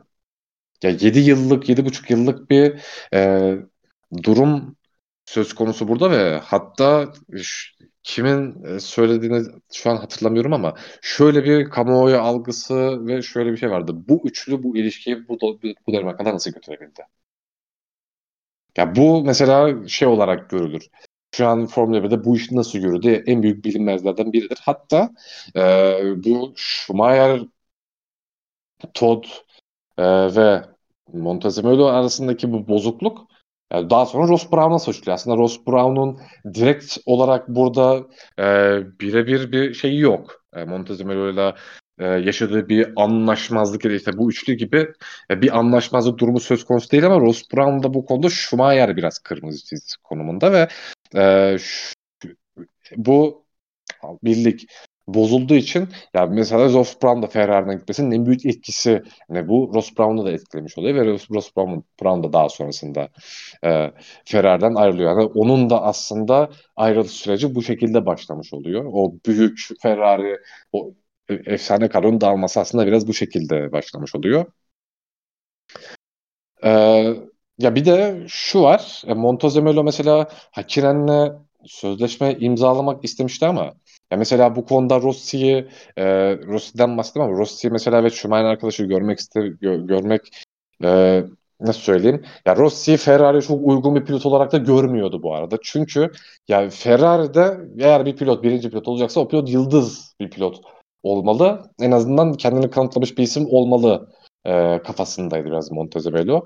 Hani Rossi'nin anlaşmasının ve hani biraz önce söyledim e, Montezemelo da bu konuda biraz Rossi'yi ikna etti e, bu opsiyonu kullanmaması konusunda. Ya çünkü hem Rossi'nin tarafından bak bakarsak hem Rossi dediğim gibi e, farklı bir seri olduğu için bence Rossi de kendi orada kendi kararını kariyer için doğru verdi. Montezemelo da hem işte e, artık bu savaşları kazanmaya başlamış en e, oradaki güçlü figür konumuna gelmişken e, bu, bu durumda Rossi'yi en azından e, ikna etmeyi e, MotoGP'de kalmaya ikna etti. Ya zaten e, bu bu arada 2007 sezonuna geçerken değil bunlar 2005 sezonu sonu 2006'nın baş 2006 sezonu başlarına yakın oluyor. Çünkü hatta e, bununla ilgili bir açıklama da Schumacher, yap, Schumacher yapmıştı. E, Rossi sen de söyledin işte zaten e, öyle çok test sınırlaması yok. Zaten F2 F 2004'ü kullanıyordu Rossi. E, ilk başta Schumacher'ın demeçleri falan ya çok Rossi'nin durumunun çok iç acı olduğuna e, yönelikti. Ama daha sonra işte bu bahsettiğim 2005 sonu 2006'nın başı dönemlerde ise e, Schumacher yani bu birliklerin artık olmayacağına yönelik e, açıklamalar yapmaya başlamıştı ve hatta biraz önce söylemiştim yani Rossi ile Schumacher çok yakın arkadaş. Ee, ve e, aslında buradan da e, Montezemelo'nun Rossi'yi ikna ettiğini söyleyebiliriz. Çünkü zaten Schumacher e, onu istiyordu. Çünkü Rossi de eğer böyle bir durum olsa elinde anlaşma var. İmzaladan zaten Ferrari koltuğuna oturuyor. Hani orada Montezemelo e, ya ne kadar büyük bir güç kazandı en azından bu e, ekibe karşı. Ya burada çok net bir şekilde bende bence e, görebiliyoruz. Ya benim başka söyleyecek, söyleyeceklerim bu kadar. E, ağzına sağlık. Çok teşekkür ederim. Gayet güzel açıkladın zaten. E, evet yani şey cümlesi çok gerçekten çok doğru bir cümle. Bu, bunlar nasıl bu kadar uzun süre devam edebilmiş? İşte başarı bazı bireysel e, anlaşmazlıkların e, sümen altına itilmesine sebep oluyor tabii ki. E, ilk başarısızlıkta da bu ekibin ciddi başarısızlığında da dağıldığını gördük zaten. 2005 en başarısız oldukları sezon bu ekibin şampiyonluklardan sonra hemen dağıldılar gördüğün gibi. Çünkü Montezema'nı fırsat kovalıyormuş açık söylemek gerekirse burada yani. E tabii böyle büyük başarıların arkasındaki ekiplerinde böyle büyük egolara sahip olması da çok şaşırtıcı bir şey değil bence. Ama işte bu e, hep konuşulan bir olaydır yani Schumacher'in ayrılması. O Dream Team'in dağılması sonuçta Schumacher alınca yaprak dökümü de oldu yani. işte Todd'u, Brown'u, Tom Bazis'i, Alto Costa'sı falan hepsi sene içerisinde ayrıldı gitti yani o Dream Team'den. Bunu da böylece biraz uzatmış da olsak konuşalım dedim. Hani e, nostalji F1 meraklıları için de böyle çıtırlık bir e, bölüm oldu podcast'te. Eee, herhangi bir konuyla ilgili eklemek istediğin bir şey var mı? Eee, kapatacağım yavaştan. Benim yok abi ağzına sağlık. Senin de teşekkür ederim. Eee, dinleyenlere de teşekkür ederim. 2 saatten uzun bir podcast oldu. Yaklaşık 2,5 saate yaklaştık. Eee, konusuzluk arasında, konusuzluk eee, döneminde böyle konuşacak konular bulduk kendimize. Tahmin ediyorum ki eee, testlerden sonra bir podcast daha çekeriz. Yani ilk yarıştan önceki tek podcastimiz testlerden sonra olur diye tahmin ediyorum. Zaten çok da bir şey kalmadı. Bir aydan az zaman kaldı. Eee, bir sonraki podcast'imizde görüşmek üzere. Eee, hoşça kalın efendim. Hoşça kalın.